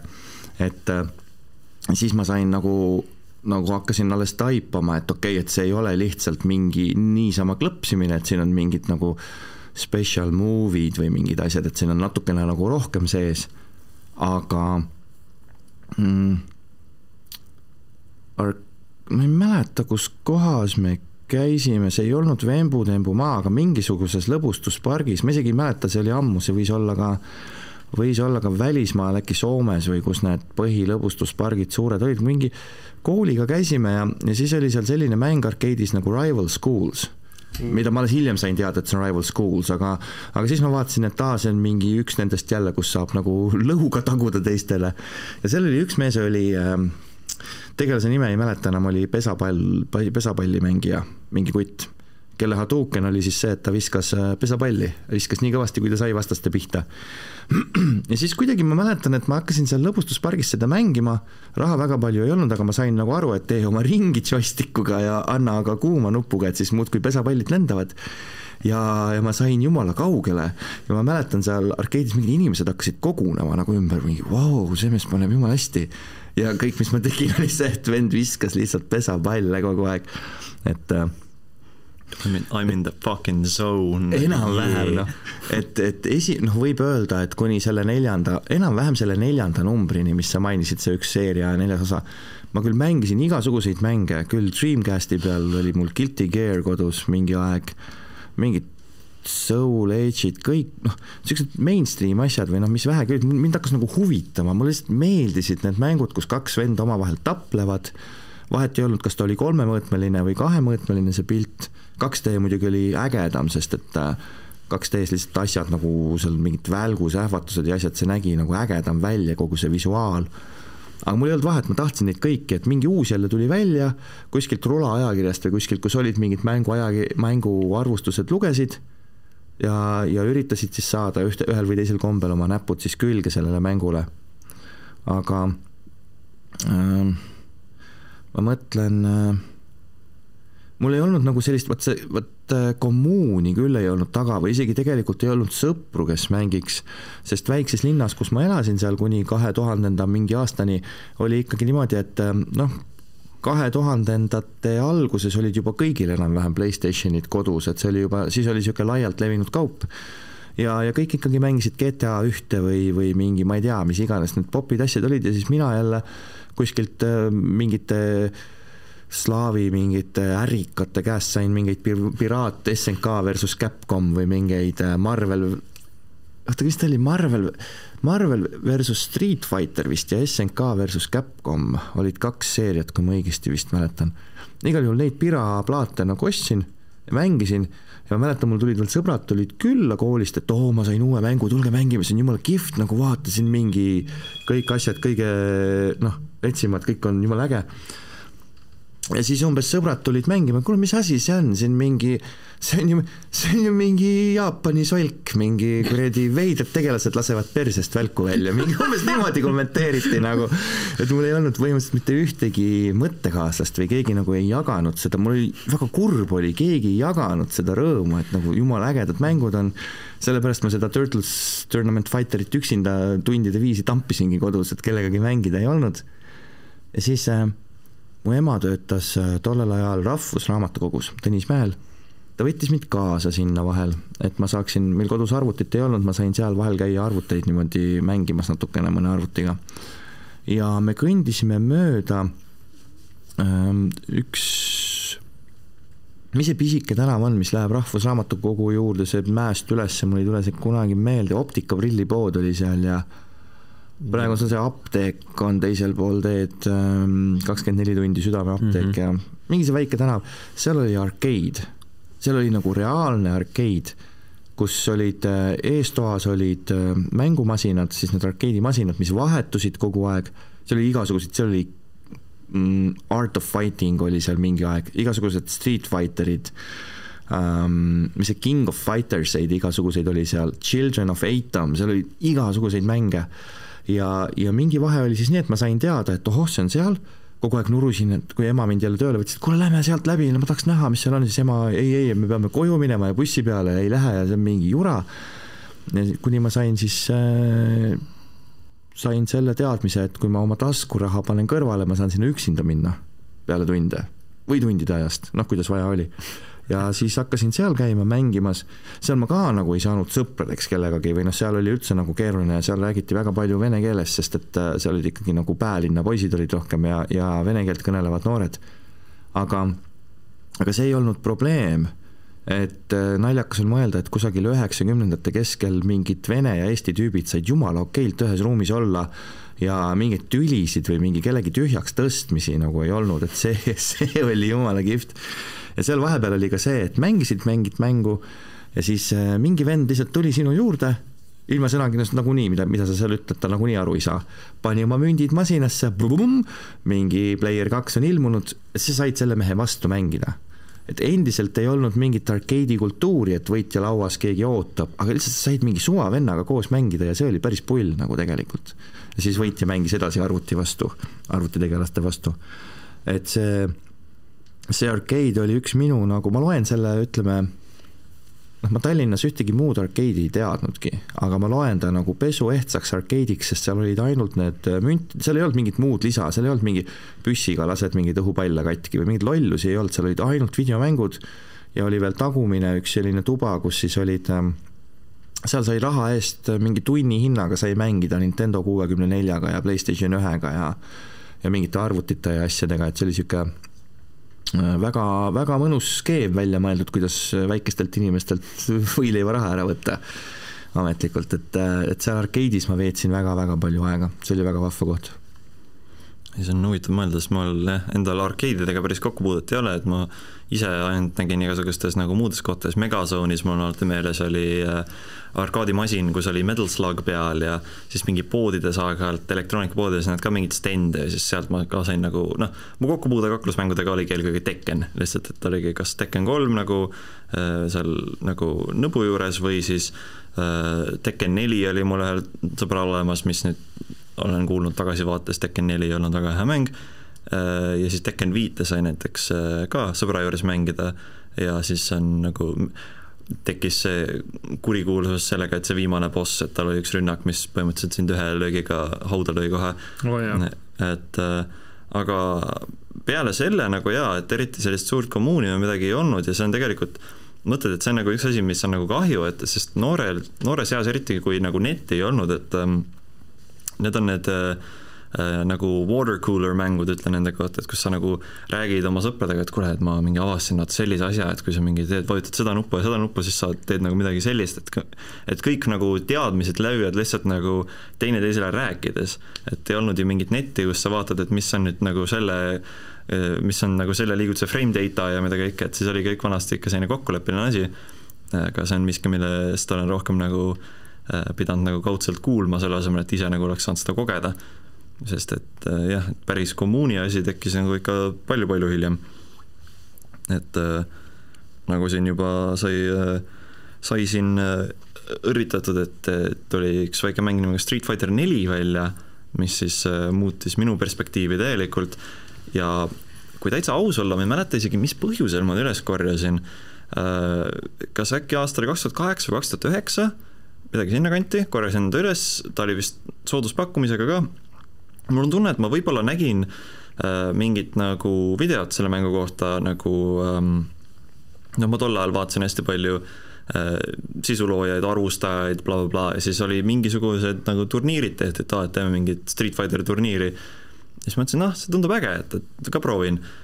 siis ma mäletan, ma ostsin ja ma ka ei osanud mitte midagi, aga seekord ma olin nagu okei okay,, nüüd ma olen valmis õppima, sest et äh, Tekken on minu meelest hästi nagu mash imissõbralik, et äh, sa teed ja tal, ta liigub ikka nagu minu arust päris hästi, aga Street Fighteris on see palju raskem, sest sa mash ides ei tee nagu nii suurt variatsiooni liigutustest ja Street Fighter on selle koha pealt natuke jäigem, et sul on vaja nagu natukene ikka õppida nagu teatud liigutused ära seal. sellel on väga lihtne põhjendus ka, Tekkenis on oluliselt rohkem liigutusi, et kui sa midagi mm. huupi seal äh, vajutad, siis tõenäosus, et sa mingile move'ile said pihta, nagu on palju suurem kui Street Fighteris mm. -hmm. no see, et sul on see input'id on ka noh, need äh, joystick'iga input'id tegelikult lisavad ka palju juurde sellele, et sa ei saa nagu tegelikult ja, ja, ja, ja. palju väga efektiivselt.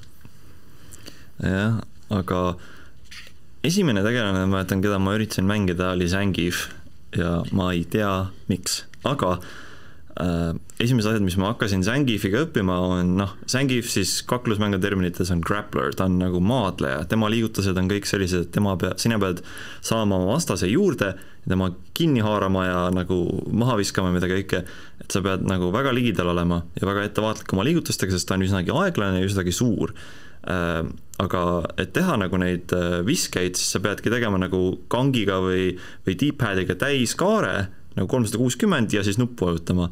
ja ma mäletan, ma harjutasin seda ja esimese päeva lõpuks oli mul pöial nii valus ja ma olin nagu näh, et nagu, nagu päris trenni oleks teinud enam-vähem, et ma äh, ma ei läinud nagu mingi, mingisugusesse nagu train- või noh, ma läksin training mode'i ja ma lihtsalt tegin nagu liigutuste listi lahti ja üritasin õppida nagu jupphaaval nagu alguses special'id, siis äh, nagu äh, superid ja kõik asjad ja minu lähtumine oligi just vaata vastupidi see, et, et et minu jaoks olid ka ainult nagu special'id olemas, et ne, see, et mingid vajutad nuppu ja teeb mingit jalahoopi, no keda kotib, ma saan ju teha mingi viske, mis võtab mingi, ma ei tea, mingi kolmandik elusid ähm,.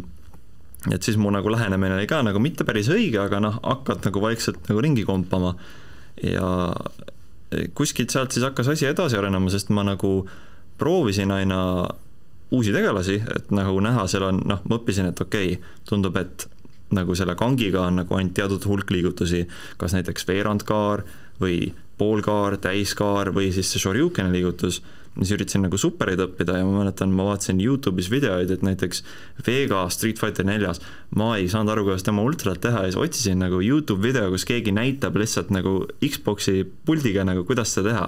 sest mul ei olnud nagu, mul ei olnud äh, arcade stick ega midagi, mul ei olnud isegi Xbox'i pult, mul oli üks vana mingisugune ähm, mingi selline third party, mingi juust ja mul on ka see meeles, et kui ma ta panin ähm, ühendasin arvutiga, ta lõi kõik minu nupud nihkesse. nii et siiani, kui ma mängin Street Fighterit näiteks puldiga, minu äh, button layout on väga nagu veider, sest et ma mängisin ja harjusin just sellise veidra nagu äh, paigast löödud nupuasetusega.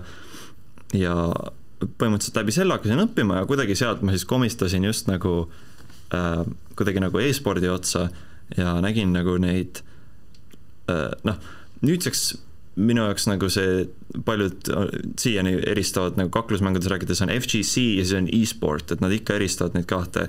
ja kui ma ütlen e-sport, ma ei mõtle sellel, et olid mingid suured, suured uhked nagu lavashow'd ja, ja mingid hiiglama palju sponsoreid ja kõike, siis oli see tol ajal pigem see, et, et sul ongi üks tüüp, kellel on oma mingi arcade, ta striimib ja sa näed selliseid tuttavaid nägusid, kes tulevad ja lihtsalt annavadki teile selle mulli.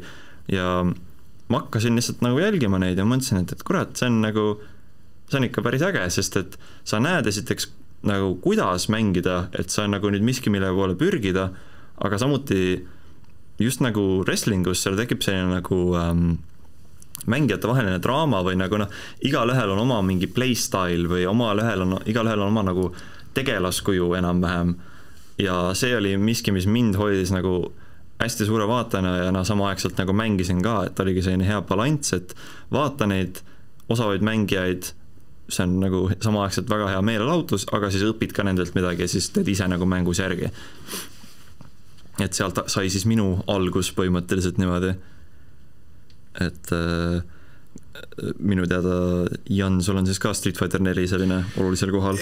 ta on olulisel kohal, aga mul, tegelikult mul oli üks, üks varasem nagu jant oli isegi, mida ma ei saa kommuuniks mitte kuidagi lugeda, aga see oli nagu üks äge asi, mis kujunes välja.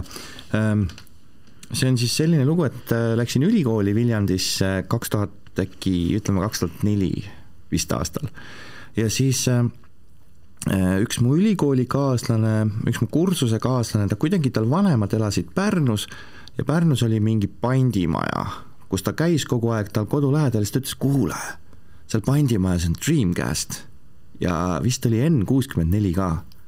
et nad on mingi maru odava hinnaga, aga mul ei ole raha. ja siis ma olin, et mis me nüüd teeme, et mul ka ei ole siis me ostsime need kahe peale me panime oma rahad kokku ja ostsime kahe peale N64 ja Sega Dreamcasti.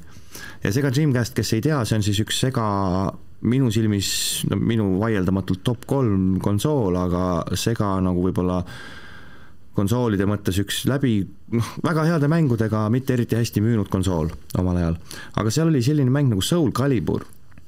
ja siis kokkulepe oli selline, et, et see konsool on mu äh, on mu sõbra siis juures Viljandis, tema, tema kodus, aga siis vahepeal lähme sinna ja mängime ja teeme niisuguseid nagu mänguõhtuid. ja siis kuidagi algasid niisugused, ähm, noh, me proovisime igasuguseid ikaruugasid ja asju mängisime, aga see ei olnud nagu äge, sest et need mängud võtsid kaua aega ja teised ikka pidid istuma ja õlut jooma liiga palju ja kuidagi ei olnud nagu pull, aga võitlusmängudega või kaklusmängudega need vahetused tulid palju kiiremini matšid said kiiresti läbi ja kuidagi lõbus oli ja, ja see kuidagi tõmbas nagu õhtu lõpuks rahva käima väga hästi. ja siis meil algasidki sellised äh, Sega Dreamcastiga sellised Soul Caliburi õhtud tulid kuhu tulid siis meie kursuselt ja mujalt kursustelt tuli ka nagu kokku, seal ikka mõni õhtu oli seitse-kaheksa inimest, mis ei ole küll suur nagu noh, suur arv, aga arvestades, et kusagil Viljandi kellegi kodus lihtsalt mängime ja, ja siis ikkagi endiselt nagu juhin tähelepanu, et me ei teinud mingit e-sporti või me ei teadnud mingit noh, move list'i võtsime stardiga lahti aeg-ajalt, aga meil ei olnud mingeid nagu noh mingit fighting game'ide, mingit eetikat või midagi, me lihtsalt nagu nautisime õhtut sõprade keskis. aga see oli minu jaoks selline tagasivaadatult nagu väga võib-olla esimene äh, FGC siis nagu kommuuni algus või nagu see nagu arusaam, et sa mängid teistega ja see on lõbus. see meenutab mulle niimoodi, et kui see on nüüd noh, aastaid hiljem, et kui nagu oli natuke rohkem kaklusmängu hooga, siis Steni juures sai kunagi tehtud äh, King of Fighters, see oli kaks tuhat kaks. see oli null kaks, jah. null kaks, mhm. Xbox'i peal mängisime Classic Changis Band turniir, et see oli täpselt ka selline, et mitte keegi meist ei olnud varem mänginud nagu seda versiooni King of Fightersist ja lihtsalt leiad mingi tegelase ja leiad, et oh, sellel on hästi värdjas liigutus ja siis Chang oli selline suur ümmargune vangimees, kellel on äh, suur nagu kett ja nagu millega ta seal on. mingi pomm oli seal keti otsas, mida ta siis ta vehkis sellega ringi. vajutad vist ühte nuppu või kahte nuppu ja siis tüüp lihtsalt, sa liigud temaga edasi, ta vehib seda nagu pommi oma pea kohal ja, ja see oli nii see on nii ajuvaba, aga see on nagu selline meie nii-öelda teemon, kellest me pidime lahti nagu ära tegema talle, siis umbes kõik ongi, üritame mingit plaani leida, et kurat, kuidas saab temast lahti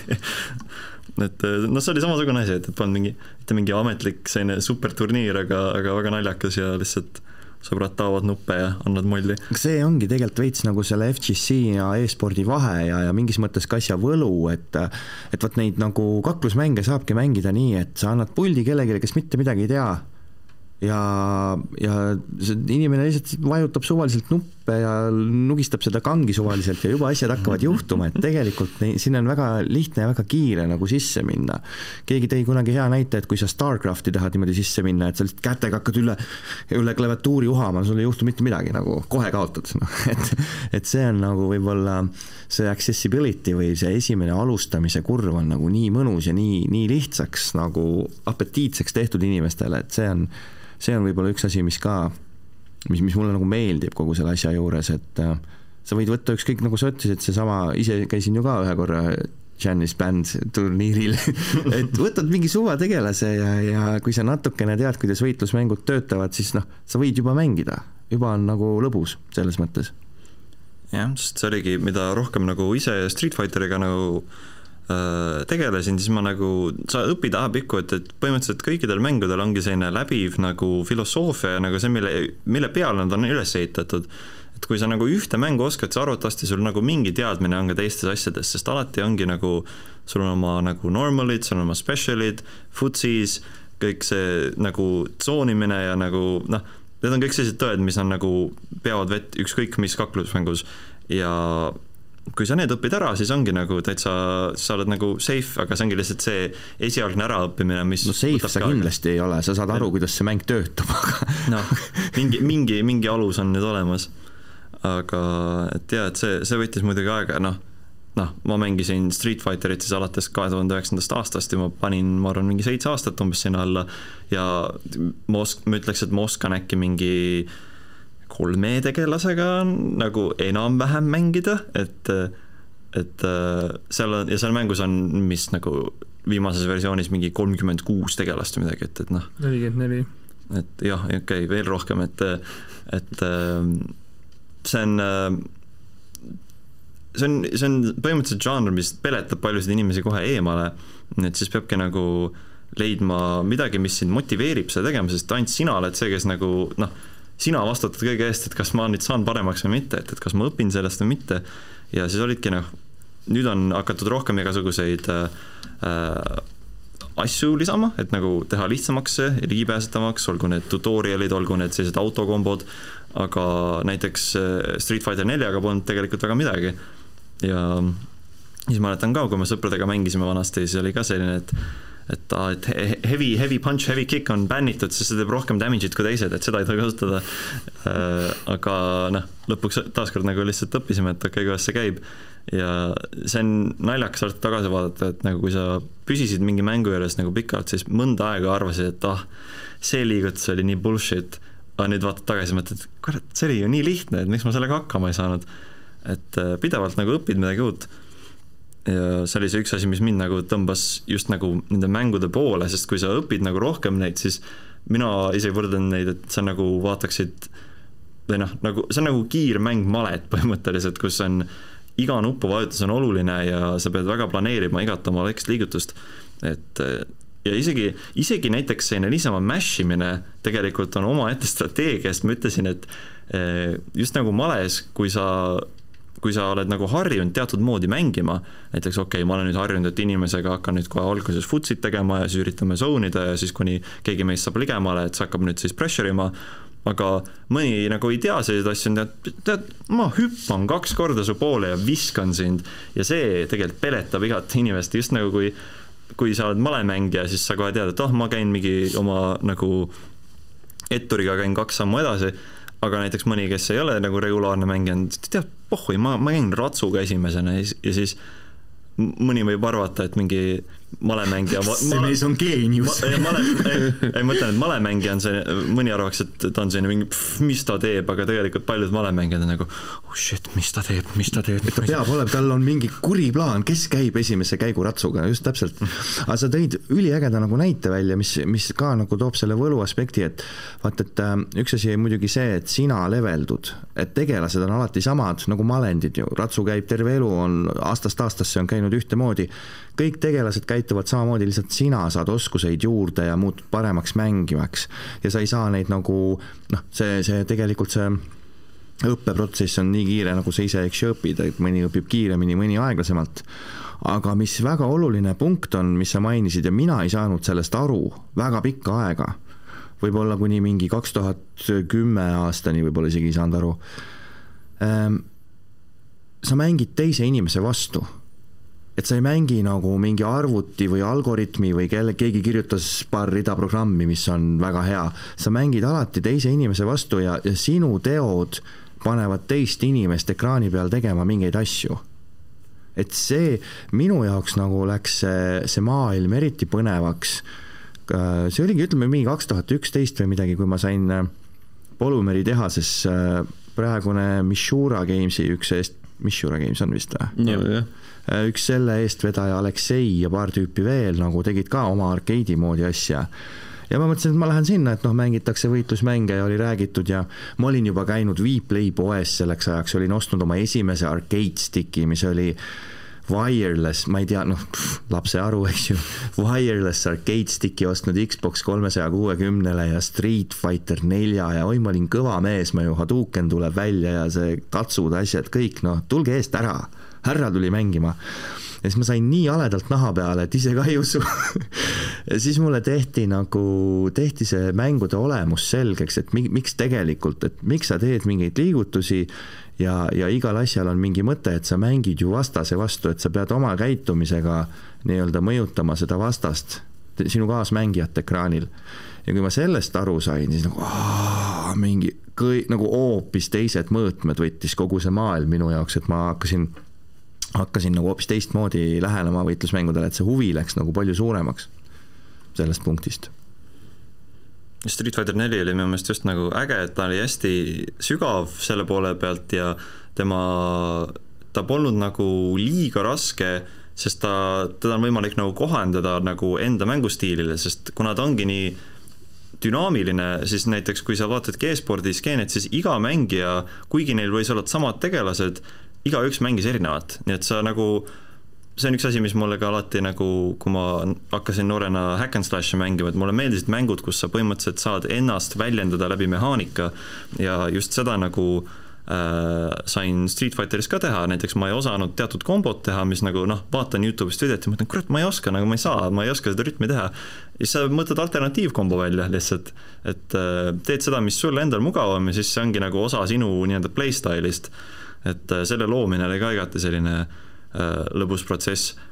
ja noh, siis on muidugi jah, see arcade stick'i saamine ka mingid aastad hiljem, mis pidi sellega kõik ümber õppima ja et äh, tegevust oli, et alati on nagu midagi, mida õppida, et, et see on selline teistsugune lähenemine tol ajal, et vanasti ma ikka nagu ostsin lihtsalt mänge, et ma teen nüüd, mängin ja teen mängu läbi, aga see on mäng, mida sa nagu läbi ei tee kunagi, et, et see on selline püsiv nagu protsess aga üldiselt minu kokkupuude siis oligi nagu rohkem vaatasingi selliseid äh, Ameerika striime või nagu üldiselt nagu suuri turnamente, Evo, mis iganes, Team Spooky tegi oma asju ja siis nagu näed kõiki neid nii-öelda superstaare selles skeenes, näed, kuidas Taigo, Taigo Umehara annab seal molli inimestele ja ja õpid kõiki neid, seda terminoloogiat, et alguses, kui vaatad, siis nagu commentary on nagu mingi mitte midagi ei saa aru ja lõpuks oled nagu jah, ma saan aru, ma õppisin nagu uue keele ära ja noh, minu jaoks kõik kulmineeris oligi äh, Capcom Cup kaks tuhat kuusteist vist või oli kaks tuhat viisteist, kui viimast aastat oli Street Fighter neli,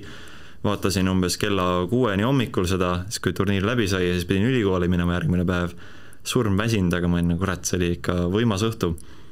ja siis tuli ähm, Street Fighter viis välja ja sellega hakkasin ma märkama, et äh, ka Eestis nagu midagi hakkab siin toimuma, et et äh, siis tuligi see väikene turniir Pro Games'is, et siis, kui Street Fighter viis minu meelest see oli kas äkki mingi mõned päevad pärast seda, kui ta välja tuli või oli see vist oli teisel nädalal, sest asja point oli, ma mäletan seda turniiri hästi, ma ise korraldasin seda, sellega oli see point, et, et oleks kõigile enam-vähem, noh, et ei ole, et mingid mehed ostavad ja lähevad valgusaastate kaugusele ära et kõik nagu värskelt tuleks sisse ja, ja oleks niisugune võrdne värk, sest võitlusmängudega noh, kõik, kes mängivad, need teavad, kes ei mängi, siis äh, sellega on see häda, et, et alati ju noh, iga asjaga maailmas, mida rohkem sa harjutad, seda paremaks sa saad. ja, ja mingil hetkel mingid inimesed viitsivad ikka väga palju harjutada mingid inimesed ei viitsi nii palju. ja kui me võtame Eesti, kus sul on kokku noh, võib-olla ma ei tea, Eesti riigi peale meil on kakskümmend mängijat, eks ju, kes nagu tõsisemalt mängivad, võib-olla kolmkümmend, oleneb, sõltub mängust, eks ju, siis äh, tihtilugu on see, et, et ähm, paljud nendest kahekümnest, suurem, mingi seitsekümmend protsenti nendest kahekümnest inimesest tahavad muid mänge ka mängida ja mitte pühendada oma elu siis nagu sellele ühele võitlusmängule. ja siis need ülejäänud, see kolmkümmend protsenti, need ülejäänud väiksed paar, kaks inimest, nad lähevad nii kaugele eest ära, et neid peaaegu on nagu võimatu võita, sest nad on selle asja endale nii selgeks teinud, et sul ei ole võimalik neid kuidagi üllatada või, või nende vastu mm -hmm. nagu saada mingite asjadega ja noh, see oli mu jaoks huvitav, sest minu ainus äh, asi, mis ma teadsin Eesti äh, nagu selle kommuuni kohta, oli see, et ükskord, kui ma käisin Euronixis, siis ma nägin, et käis mingisugune Persona neli Arena turniir ja noh, ma olen kindel, et sina vast olid seal ka. see oli hea turniir, ma ise korraldasin seda muidugi, ma, ma olin siis lihtsalt kõndisin mööda ma olin nagu, et mis seal toimub. kas veider oli ka, täiskasvanud mehed stikkidega klõbistavad ja karjuvad mm? -hmm ei, ma, ma olin nagu äge. kamp nohikuid. kamp nohikuid karjub poes. see oli just see, vaata, ma olin vaadanud ju ainult neid striime ja ma olin nagu, oh, Eestis on ka selline asi või, äge. kas keegi äkki mul läheb soolaseks, kas keegi viskab oma stiki maha aga eestlased on kõik, me oleme, me oleme kokkuhoidlik rahvas, me ei taha oma nagu mitusada eurot lihtsalt vastu maad visata et ükskõik kui soolane või vihane me oleme. aga jaa, siis Äh, Kaspariga olime sel ajal juba hästi palju nagu äh, Street Fighterit koos mänginud, Street Fighter nelja, Street Fighter kolme äh,. kolm tuli ju hiljem meil ju. minu meelest, ma ei mäleta, kas see oli nagu enne, enne viite või aga mm, see oli peale viite minu arust, kui ma KOV kolmteist oli minu meelest üks ka, mis me mängisime, et me, me proovisime igasuguseid asju ja siis, kui viis tuli, see oli ka meie jaoks nagu täpselt nagu Jaan kirjeldas, et nagu selline, et oh, et me kõik oleme ühel ja samal tasemel ja nüüd hakkame nagu koos mängima, siis ma mäletan, me ostimegi nagu äh, Pro, Pro Games'ist tellisime. samal päeval tellisime, saime Max, Magistrali paki automaadist kätte korraga selle. jah, siis hakkasime, hakkasime vaikselt treenima, mina mängisin äh, Birdiga, sest et äh, minu lemmik äh, tol ajal Street Fighter neljast oli Rufus, kes on siis selle poolest tuntud, et ta on nagu hästi paks vend, kellel on jiggle physics oma kõhu peal, siis mõtlesin, et jätkan selliste paksude poiste striiki ja olen nüüd Birdi Street Fighter viies kellel on sellised mehaanikad nagu banaani söömine ja, äh, ja äh, limonaadi joomine ja mida kõike. prügimine. prügimine saab visata. ja siis nagu natukene sai mängida ja siis mõtlesime, et okei okay,, et lähme sinna turniirile ja vaatab, kuidas läheb ja mul nagu sada protsenti pole meeles, kes kõik seal olid. Jan oli kindlasti. Vlad oli ka vist jaa, vist oli küll, ma tean, Mihkel oli seal, Aleksei oli seal. no enamus neid, kes Eestis tollel ajal nagu tegeles. jaa, ma oli. olin äh, tausta, taustajõud, sellepärast et see oli mängude turniir. Level tegi pilte oh, ja, ja, ja just, just, just mm. -hmm. see ongi mingi siuke prelüüd selle leveli, selle mängude. see oli äh, mängude nii-öelda promoüür ja äh, galerii võib ka leida leveli kodulehelt Ja. saab näha noori, noori nägusid. väga äge. Young, young boys kõik seal aga, aga enne seda, see oli nagu selline noh, ma tundsin sellist võib-olla mingit kohustust või miks ma üldse viitsisin seda nii palju ajada, et, et ma nägin, et okei okay,, vot nagu ma enne mainisin, polnud neid mõttekaaslasi ja siis üks minu selline missioonitunne või see oli alati, et äkki nagu leiab veel mingeid nagu ägedaid inimesi või, või et noh, et see on ju, see on ju lõbus, et neid noh, sa peab saama veel nagu sõpru endale juurde, kellega mängida. et enne seda, kui sa Sten siin levelit mainisid ähm,, minu jaoks kogu see turniirindus sai alguse üldse level ühe Mortal Combati turniiridega. esimene level ühe turniir oli vist Tekken, mis tehti kinos Sõprus ja peale seda hakkas mm, seal käima Mortal Combat üheksa niimoodi, et noh, kes on mängude ööl käinud, see on see kino suur, tänaseks on see juba võib öelda, et messiks või, või nagu convention'iks välja kujunenud, aga aga siis see oli lihtsalt niisugune paari inimese niisugune oma hobi, et äh, Andri Allas äh, tollel ajal töötas Sõpruses, ütles, et noh, paneme siis kinoekraani külge need masinad ja mängime, vaatame, mis saab.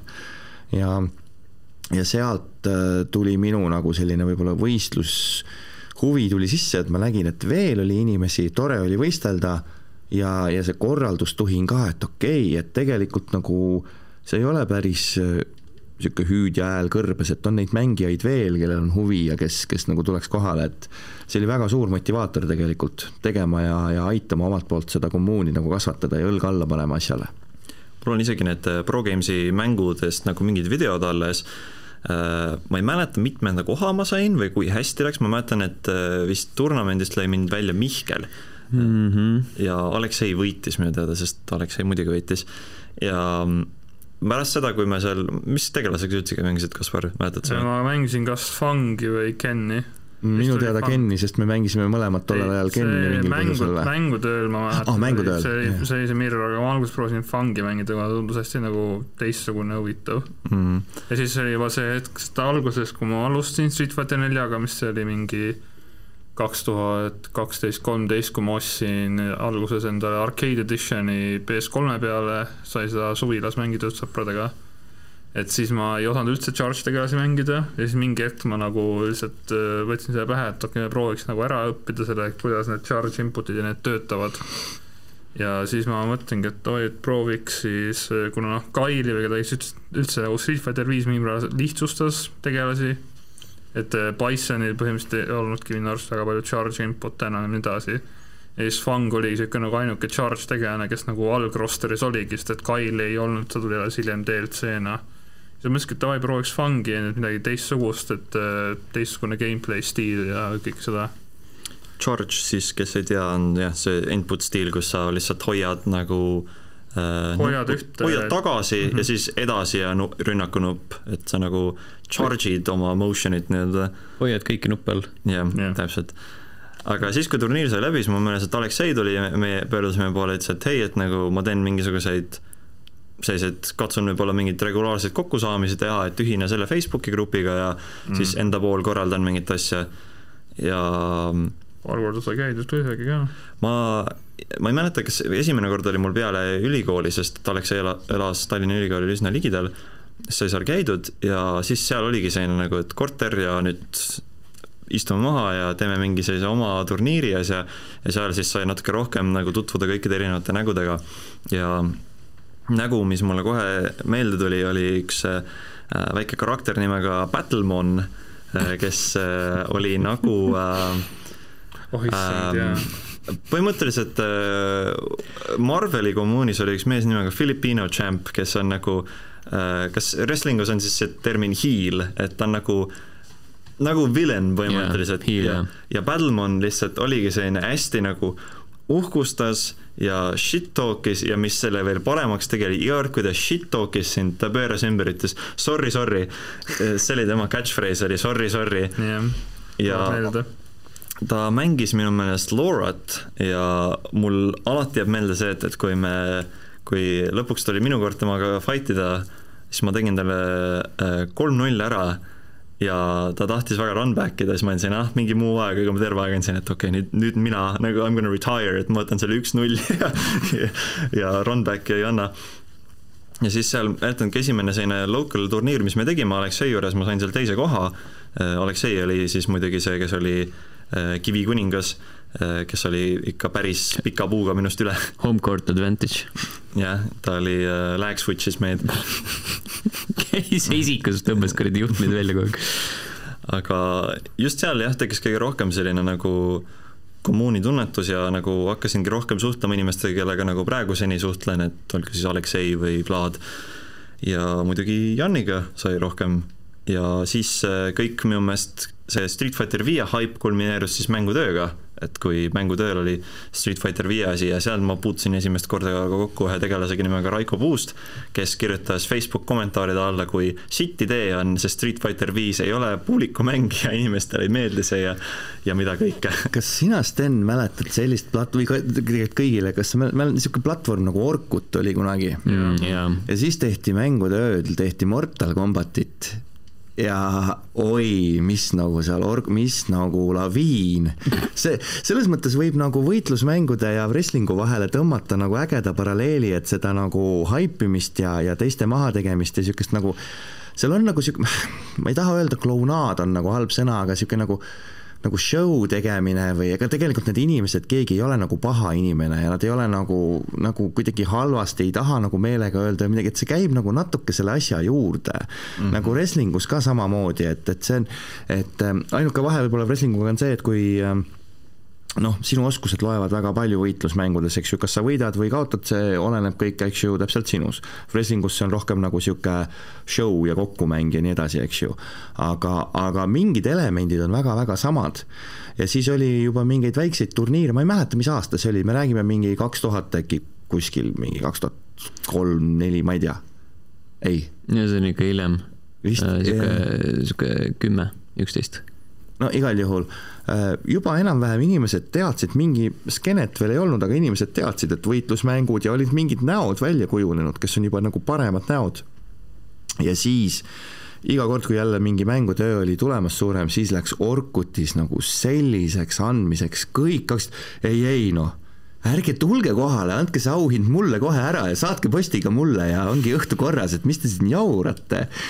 ja see oli, see oli tegelikult väga nagu äh, see oli äge, mingis mõttes oli see väga osa, nagu äge osa sellest kommuunist. sool oli muidugi ka kõvasti, aga, aga see oli võib-olla skeene kasvatamise jaoks oli ikka väga-väga vajalik, kogu see, kogu see asi, et tõmmata niisugust noh, et ta ei oleks niisugune nohikud tulevad kokku ja mängivad oma mängu ära ja lähevad vaikselt minema, et see kogu suur mull seal ümber, see oli ka väga paeluv ja väga, ma kujutan ette, ka kõrvalt vaadata oli nagu nauditav enne, enne mööd muidu pean ka andma shout-out'i Evo partile, mis oli ka selline kaklusmängude üritus, mis Aleksei minu teada korraldas äkki, ja siis sealt on igasuguseid äh, highlight-klippe jagatud nagu, mis on Eesti kaklusmängu kommuuni ajaloos, näiteks see, kuidas oli eestikeelne selline otsetõlge Marveli match idest ja et äh, keeru-veeru, jah. keeru, selle, see klipp, äh, see klipp oli mõeldud tegelikult oli asi väga lihtne, et äh, nagu sa ütlesid, kommentaarides alati käib niimoodi, et midagi aru ei saa, eks ju, kui sa oled äh, kõrvaltvaataja sisse, uus nagu sissetulija ja isegi meie siin praegu, kui me räägime, et me kasutame väga palju nagu Futsis või Hadouken või mingeid välismaakeelseid, eks ju, väljendeid, sest eestikeelseid vasteid ei ole. ja siis mängiti rahamatši kaks tolleaegset väga head mängijat mängisid kümne võiduni rahamatši ja oli kokkulepe, et Aleksei kommenteerib kõike puhtalt eesti keeles, mitte midagi ei tohi inglise keeles öelda. ja see nagu see komment-, minu meelest need kommentaarid on isegi parem kui see mäng, mis seal ekraani peal, see on väga hea sümbioos, aga need kommentaarid on ikka puhas kuld, mis sealt tuleb aga jaa, et siis, kui mängutöö tuli, siis Street Fighter viis, siis sai veel rohkem inimestega kokku puutuda äh,. mul kõige selgemaid mälestusi nagu pole, mul on meeles see, et ma sain kaheksanda koha või nagu kaheksas-seitsmes jäi viiki ja ma sain Raikolt pähe. ja viimane asi oli muidugi see, et Raiko tegi mulle ära ühe Wake Up Ultraga, sest et Wake Up ehk siis ma, ma enda pikali just löönud ja niipea, kui ta tõusis püsti, tegi ta kohe nagu ühe ultra mulle näkku ja ma ise olin nuppu vajutanud, nii et ma jäin vahele. ja siis, kui ta mulle ära tegi, siis ta selgitas mulle pikalt nagu sellise Youtube kommentaari pikkuse nagu äh, analüüsi tegi, et, et miks ta mind, kuidas ta minu käitumist luges ära ja kuidas tegi mulle, kuidas ta mulle nagu üks-null ära sai ja siis ma olin nagu okei okay,, okei okay,, äge GG oli soolane ka või? tema, ei tähendab, tema tegi sinul, ma mõtlen nagu, kas ma, oli soolane tunne ka või? ma arvan, kui ta oleks lihtsalt kui mees loeb sind nagu raamatut põhimõtteliselt no ta, sa, mina olingi selline pigem, et sa ei lugenud mind, sa, sul lihtsalt vedas, see oli random raisk, aga, aga nüüd, nüüd saavad kuulajad aru, mis tähendab see termin sool. just, et soola oli kindlasti aga mul oli ka tegelikult jõhker nagu stage fright nagu, sest ja ma mäletan terve aeg, kui Aleksei taaskord kommenteeris ja ta umbes nagu coach'is mind samaaegselt, kui ta kommenteeris, sest ta ütles, et, et umbes kui Raiko hüppas peale ja Lauri jälle ei teinud anti-air'i. Ja siis nagu ma lõpuks hakkasin tegema, aga siis oligi selline väike, meil, meil oli vist, see oli äh, kaks-üks, et nagu see ei olnudki need, et, et Raiko oleks mind nagu lihtsalt maadlase teinud, aga ei vedanud välja aga oli, oli nagu ikkagi põnev ja põhimõtteliselt pärast seda mul endal äh, Street Fighter viie karjäär jäi sinna seisma, sest et teda ei olnud enam nii põnev nagu e-spordis vaadata kui ka mängida, et ta oli, kuna ta oli nagu Kaspar ütles, et teda lihtsustati, siis temal ei olnud ka palju seda sügavat põhja nagu Street Fighter neljas, kus ma ütlesin, et iga inimese versioon mingist tegelasest oli talle justkui unikaalne, aga viies on rohkem see, et, et see on optimaalne moodus, kuidas mängida ja see on nagu see mitteoptimaalne ja noh, mõtlesin pikk, no mõneks ajaks läks nagu, läksid kaklusmängud kuidagi tahataustale. aga siis tuli välja üks mäng nimega Dragon Ball Fighter Z, mis mm,. oota, oota, ei vale yeah,, see.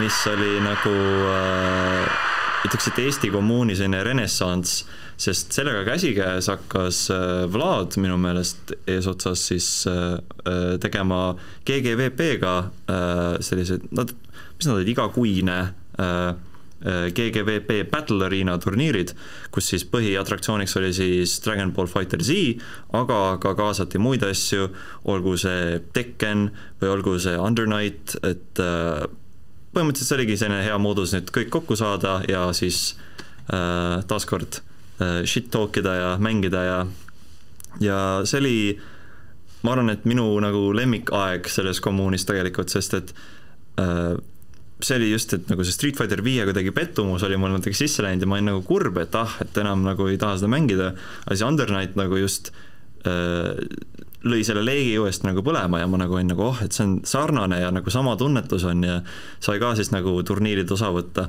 aga samuti mulle meeldis just see kuigi ma ise nagu Fighter Z-d ei osanud, mulle meeldis see haip ja kõik, mis selle taga oli ja see oli nagu selline äh, perfect storm, et inimesed, kes nagu tunnevad Dragon Balli ja noh, ta on nagu ilgelt hea nagu fännimäng, sest seal on nii palju fanservice'it, aga ta on samaaegselt nagu hea kaklusmäng ka.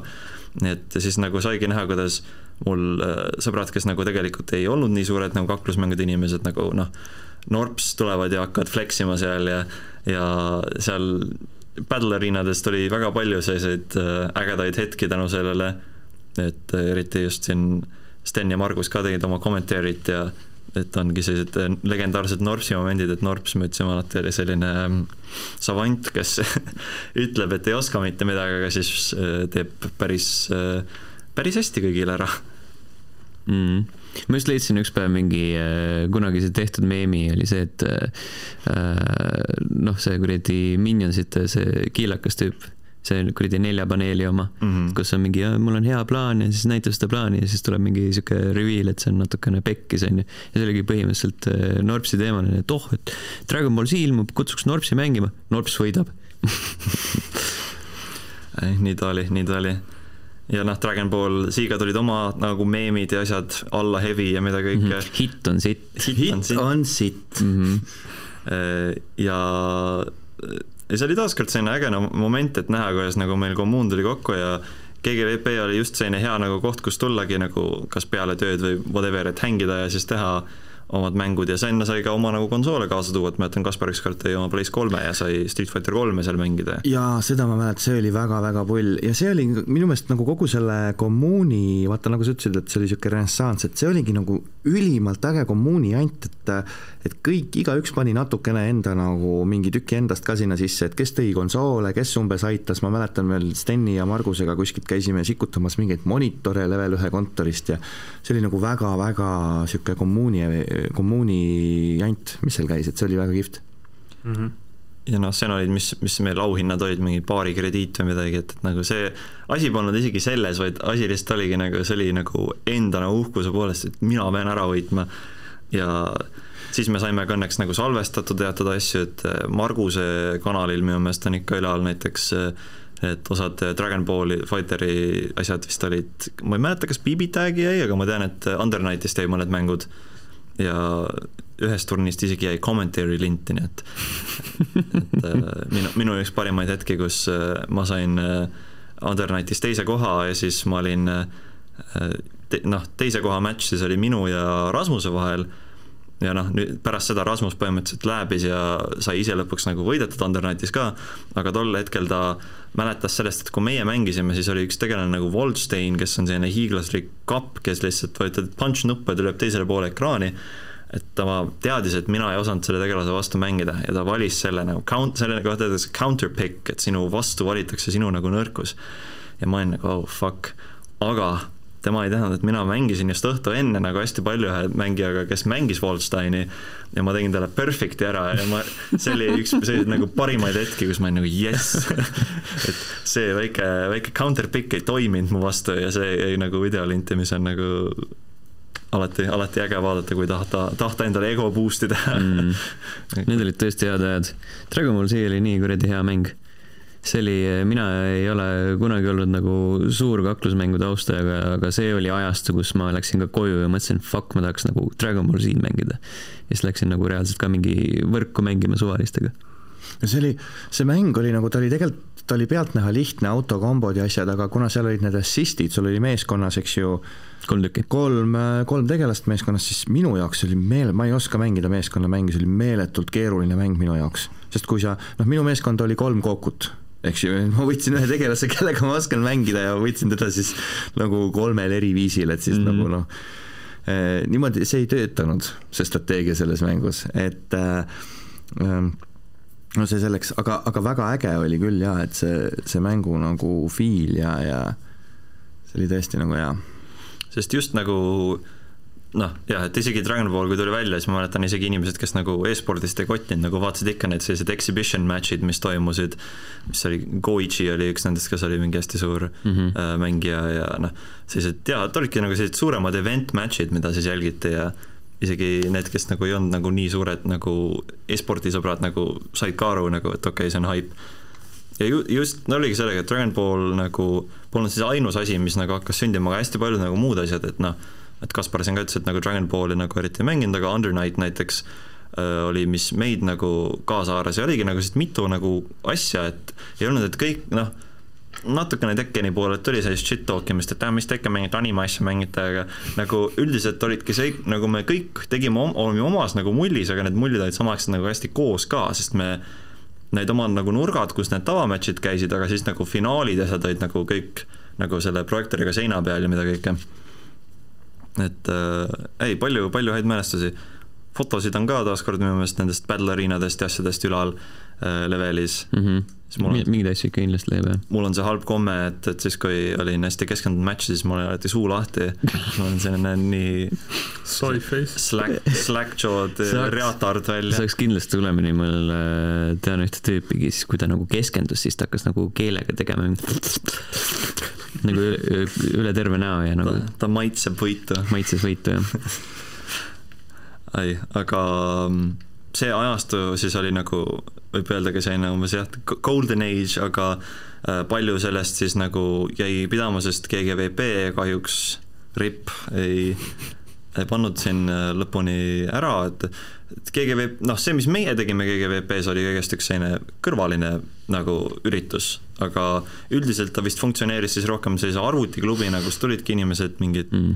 arvutite taga mingit Dotat ja mida kõike mängima ja see on tegelikult asi, mis noh, enam ja, ei tehta. väga ei tööta kahjuks ja, ja ma arvan, sellepärast nad ei saanud endale püsivat income'i ja eriti, mis nagu, isegi kui nad ei teeninud vaata palju raha, see Battle Arena asi, nad minu meelest nad ei nõudnud nagu ekstra raha Vladilt või kellelgi, et, oligi umbes, et tooge oma nodi, me anname teile pinda ja noh, nemad saavad raha sellest, et me ostame nendelt sealt baarist mingi Monsterit mida kõike ja et äh, ja noh, seda nad tegid lõpuni, et nad ei hakanud üldsegi nagu ka, et noh, see ongi, mis, et kui see sai läbi, siis hakkas X Game Room'is tulema turniirid ja suur selliseks äh, äh, konfliktipunktiks oli see, et, et X-Game Roomi turniiridest osa võtta pidid sa maksma, et sa pidid mingi viis eurot vist pileti eest, aga Battle Arena oli täiesti tasuta ja siis nagu selle tõttu see äh, osalejate hulk vähenes tunduvalt ka, et ma ise näiteks ei käinud üheski X-Game Roomi omas, äh,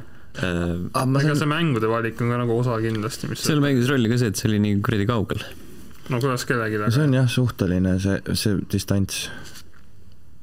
Aga X-Game Room, ma arvan, et selle rahaga oli ka see, et väga paljud, kuna meil Eestis ei ole selline profiskeene, eks ju, ja, ja kui sa oled, ütleme, mõned levelid, eks ju, allpool, kui sa tead, et äh, noh, mõned inimesed lähevad võitma või lähevad nagu nautima või mis iganes, et kui sa tead, et ahah, mul ei ole nagu võimalustki, et ma annan oma viis eurot, et kaotada mm, -hmm. et sa lähedki viie euro eest kaotama, et see ei, see ei ole nagu, et ma siis teen selle viie euroga midagi muud. et seal ei olnud seda, võib-olla X-Game ruumis ei olnud seda skeene hõngu nii palju sees, et sa tahaks nagu oma, mul ei ole kahju nagu kaotada ja ma käisin seal ka, ma jätsin päris tihti ju ikka mingi, päris mitu korda jätsin viis eurot sinna, aga, aga no vot, see oli nagu teine, minu meelest see oli rohkem nagu niisugune Tekkeni skeene, sest et seda vedas omal ajal, Raiko Puust vedas eest ja ta oli ise oli suur Tekkeni mängija, et Tekkeni turniirid olid seal ikka päris mitukümmend pead vist või mingi kakskümmend, kakskümmend viis osalejat ikka, et see nagu toimis seal päris hästi, nagu ma aru sain mm,. no seal oli see teema ka, ma arvan, et seal kadus see nii-öelda indie-hõng ära, nagu keegi VP-s oli. et kui noh, on juba, sul on mingi sisenemismaks ja sul on äh, mingid lindistused ja ülekanded ja kommentaarid ja siis nagu ei ole enam, ei ole nagu päris see. Mm..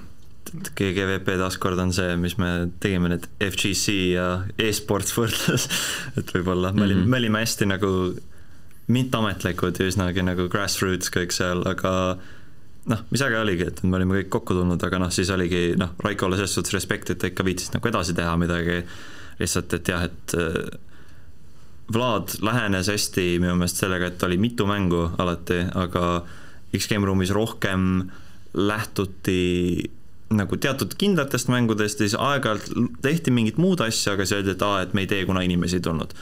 mina näiteks Undernight turniiril ei käinud, sest ma olin tööl too päev ja lihtsalt ei saanud minna. ja siis see oligi ainus kord, kui see turniir äh, leidis aset seal ja siis oligi, sain natuke kahju, et ah, noh, magasin oma ainsa võimaluse maha see oli võimas turniir, ma mäletan seda selgesti.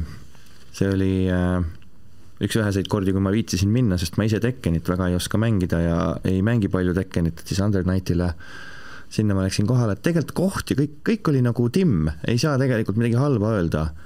aga mänguvalik, vot see ongi, noh, see on iga asjaga niimoodi, et, et sulle kas meeldib või ei meeldi, et selle järgi sa lõpuks otsustadki, kus sa käid ja mis turniiridest sa osa, osa nagu võtad mm. -hmm selle indie-hõngu koha pealt ma nagu enda koha pealt oskan küll öelda, et äh, mulle hirmsat moodi tegelikult meeldib korraldada just selle kommuuni osa koha pealt, et see võistluste ja turniiride tegemine, et see on nagu pull, aga aga kui sa korraldad ja pead veel võistlema ise ka, siis äh, mingi vahe ma tegin seda päris pikalt, aga see on ikka nii närvesööv või noh, sa terve hommiku midagi vehkled seal ja teed ja asjatad ja siis lõpuks on sinu kord mängida ja siis mõtted on jumala mujal, ei saa enam keskenduda, ei tule sealt nagu midagi.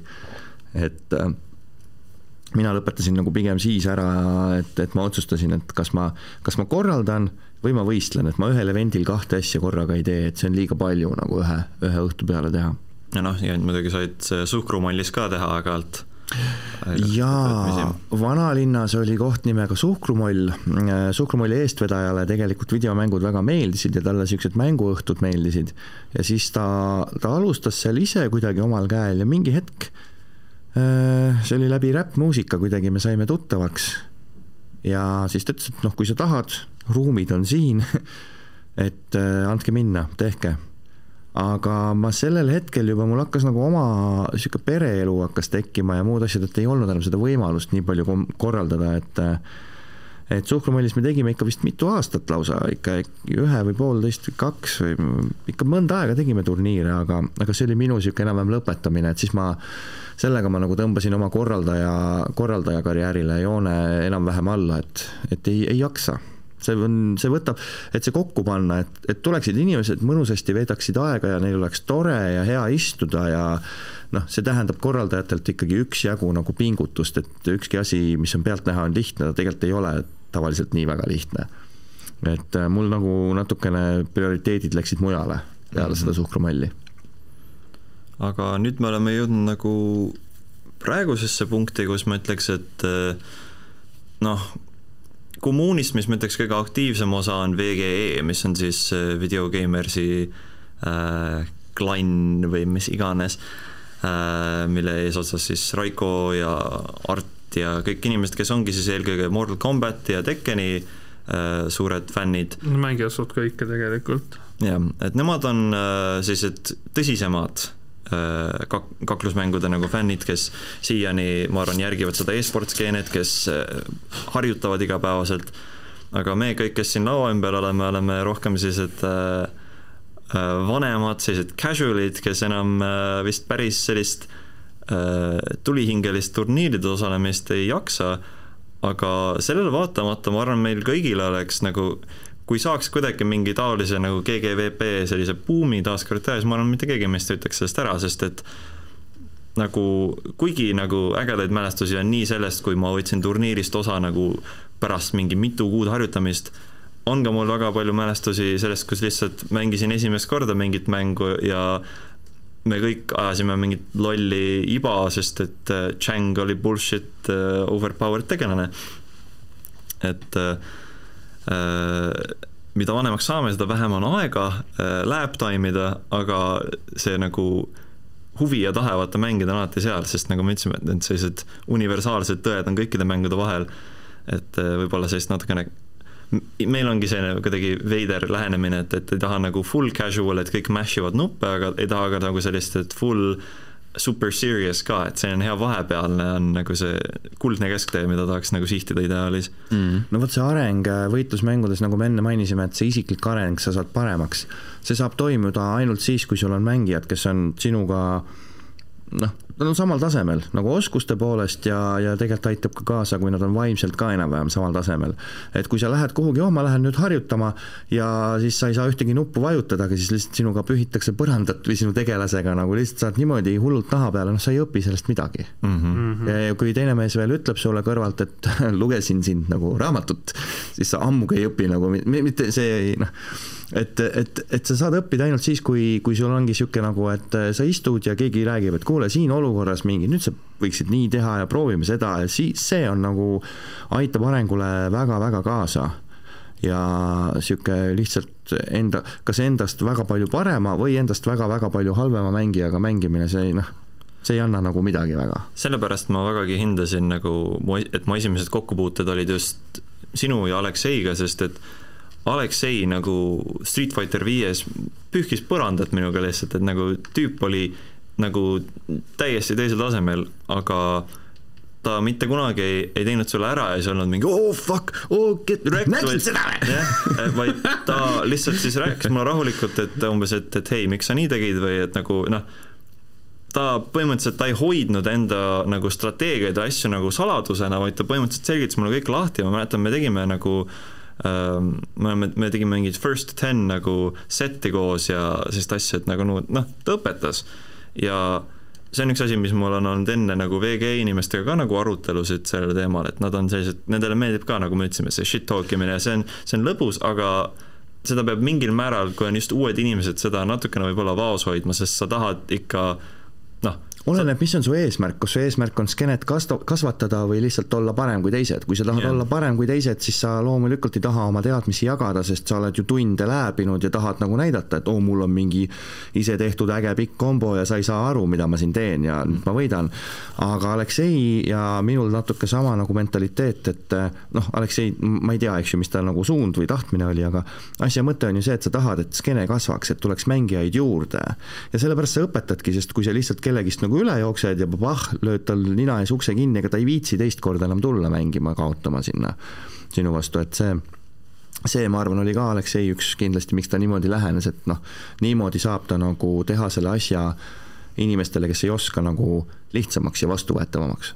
see shit talk imine nagu there is no sport in it, kui see inimene, kelle vastu sa mängid, mängib esimest korda, et see on nagu tõesti nagu beebilt äh, nagu lutipudeli äravarastamine, et, et õpeta teda, treeni teda välja, nagu näita talle, et niimoodi mängitakse, siis talle, tee talle ära ja siis shit talk'i teda, et, et on mm -hmm. kõik omas järjekorras, et noh äh,, alguses nagu kultiveerime ja kasvatame teineteist üles ja siis nagu anname, anname molli, eks ole. ma pean selle siin nüüd ära mainima, ma olen elus, me mängisime Street Fighter neli 4 siis seda Omega versiooni, see mingi nalja, naljaversioon, mis reliisiti mm. -hmm. ja ma saan nüüd selle siin ära öelda, ma olen ühe korra elus Alekseid võitnud. ühe korra Street Fighteris, mul on üks ma ei mäleta, kas kolme võiduni tegime vist või viie, ma ei usu, et me viieni, ma arvan, kolmeni tegime, mul on ühe korra elus olen, olen kuidagi läbi häda võitnud seda meest. et, et anda nagu aimu, see mees on nagu hoopis teised, noh, ta mängib Street Fighterit natuke teistmoodi, kui, kui siin teised võib-olla, et.... ma, ma võitsin Alekseid ükskord, kui oli äh, see oli minu meelest Mängutöö ja Street Fighter viie jaoks oli selline level ühe promo, et ta oli nagu level ühe kontoris, ma mäletan, ja nagu diivani peal mingid, mängis lihtsalt netis ja mina match up isin temaga ja siis mängisime vist oli äh, best of five ja ma võitsin ja see, no terve aeg ta oli, ma mäletan, ka striimis ka oli siin, kurat, kell nagu, et, et siis ta ütles, et ta oli, ta ütles, et sihuke lääg, ütles, et tal oli tunne, nagu ta mängis vee all, aga mina olin ikka selline yes, yes, yes. Doesn't matter, still won. isegi, isegi, isegi kui tal oli handicap, nagu see on ikka suur saavutus mm. -hmm, mm -hmm.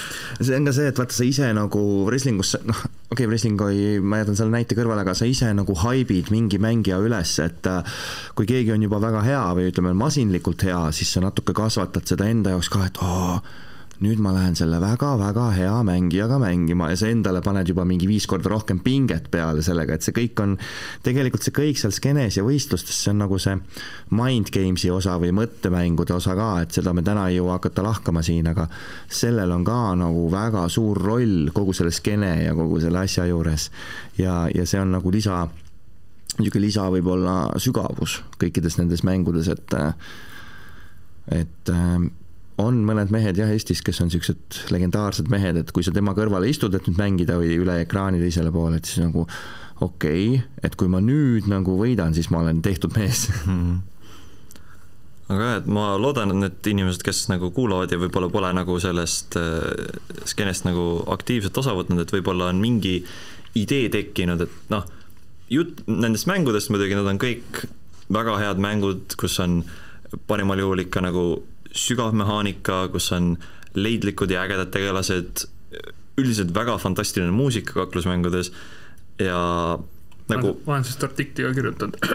jah, et nagu mängudena nad on kõik fenomenaalsed, aga ma arvan, et see nagu, mis meie jaoks nagu see kõige suurem nagu take away kõigest sellest on, ongi just see kommuun, need inimesed, kellega noh, the real fighting games are the friends we made along the way, eks ole, et et see ja kõik need lood, mis me oleme nagu saanud siin nagu Äh, lihtsalt mängides, et see ongi miski, mida mul endal nagu videomängudega sellises nii suures ulatuses pole varem olnud ja ma olen siiani tänulik selle kõige üle. See on, me siin enne kasutasime ka sõna nohik, aga tegelikult see on väga sotsiaalne kogemus, et see ei ole selline noh, see, see mäng, ma ei saa öelda, et ta on teisejärguline, aga need inimesed, kes seal koos on, kogu see skeene, sellel on ka väga-väga suur lisaväärtus ja väga suur roll kogu selle muu asja juures, et see ei ole tühipaljalt mingi mängu treenimine või või, või mingite mehaanikate õppimine, see on ka see, et sa teed mingite toredate inimestega mingit toredat asja koos. ja et, et tekkisid nagu omad meemid, oma sisenaljad, isegi oma nagu sõbragrupid, et meie level ühe kuulus Lost Media on äh, Salt After Dark, mis oli üks selline väike Fucking poolteist tundi materjali lihtsalt kadus kuskile, kadus kuskile pauku ära. ja ärme unusta selle materjali suursponsorit Tarhunni purgis. ta on Tarhunn ja ta on purgi sees. jah, see oli äh, selline põhimõtteliselt, kus me lihtsalt kõik õhtul saime level ühe kontoris kokku avasime õlled, nautisime Dragon Ball Fightersit ja siis äh... Norps avas viina ma käisin vahepeal vetsus, siis tulin tagasi ja ja oh, Jan muutus Mr Karateks ja jopp Antonio no,. see oli kuld. Footage võib, footage võib olla kadunud, aga mälestused on Footage on kindlasti kuskil kõvakettal, ma olen enam kui kindel, et ma olen isegi näinud seda footage'it no, mingi, aga ühel hetkel oli jaa, aga siis ma ei tea, mis sellest sai. Too, too ah. hot for Youtube. Too hot for yeah, everything nagu jah. aga kui keegi, kui keegi praegu kuulajatest ähm, kodus mõtleb, et äh, tal noh, kui kellelegi peaks ka meeldima, eks ju, mida anime, seda ägedam, aga noh, võitlusmängud üleüldiselt ja mõtleb, et mis nüüd teha või tahaks mängida või siis, siis äh, ikkagi peamine soovitus on see, et tuleb kuskilt hakata ise nagu noh, seda, vot see sotsiaalne osa või see kommuuni osa ei teki sinna juurde ja oodata, et keegi selle tekitab, ega noh, siis jäädki ootama et alati tasub nagu hakata ise natukene seda asja utsitama ja, ja tagant ajama, et ma ei ütle, et kõik peaksid hakkama võistluste korraldajateks ja kõik peaksid hakkama nüüd organiseerima mingeid suuri event'e, aga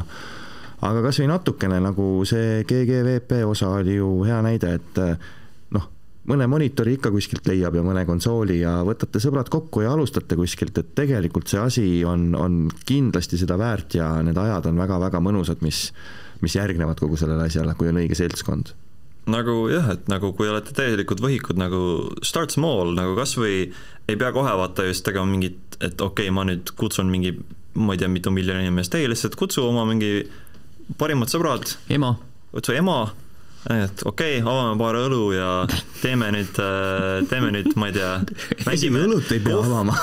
tarhun purgist ehk lahti, mängime kohv kaht tuhat kahte Chang on keelatud, aga kõik muu on lubatud ja kes võidab, saab, äh, ma ei tea. au ja kuulsus. no mis ta ikka saab, midagi ei saa, käepigestuse ja. ja täpselt, saad, sa saad äh, saad Läheb ajaloo annaalidesse. piraadi krõpsupaki endale. saad öelda, et sa olid too õhtu kõige parem mängija, sest tegelikult see turniiridel, vaadake, need turniiri auhinnad Eestis ei ole kunagi olnud, minu suurim võit tänase päevani on J-Zone'ilt esikoht sai viiskümmend eurot. Persona neli Arena võitjale oli auhind viiskümmend eurot, mis on noh, Eesti kohta väga suur raha võitlusmängus võita.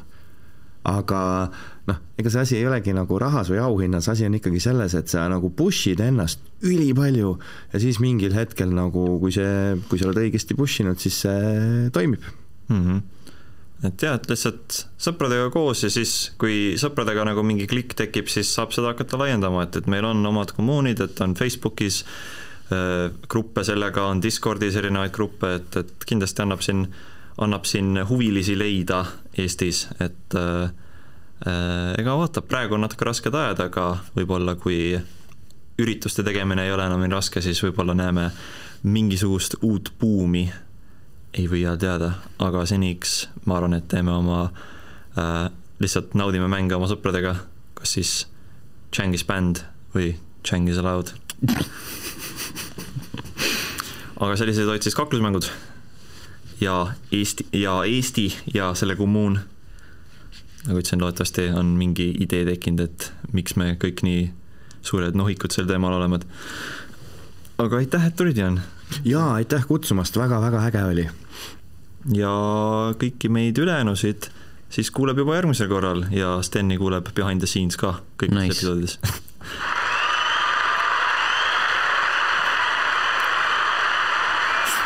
aitäh. järgmise korrani, tšau. tšau.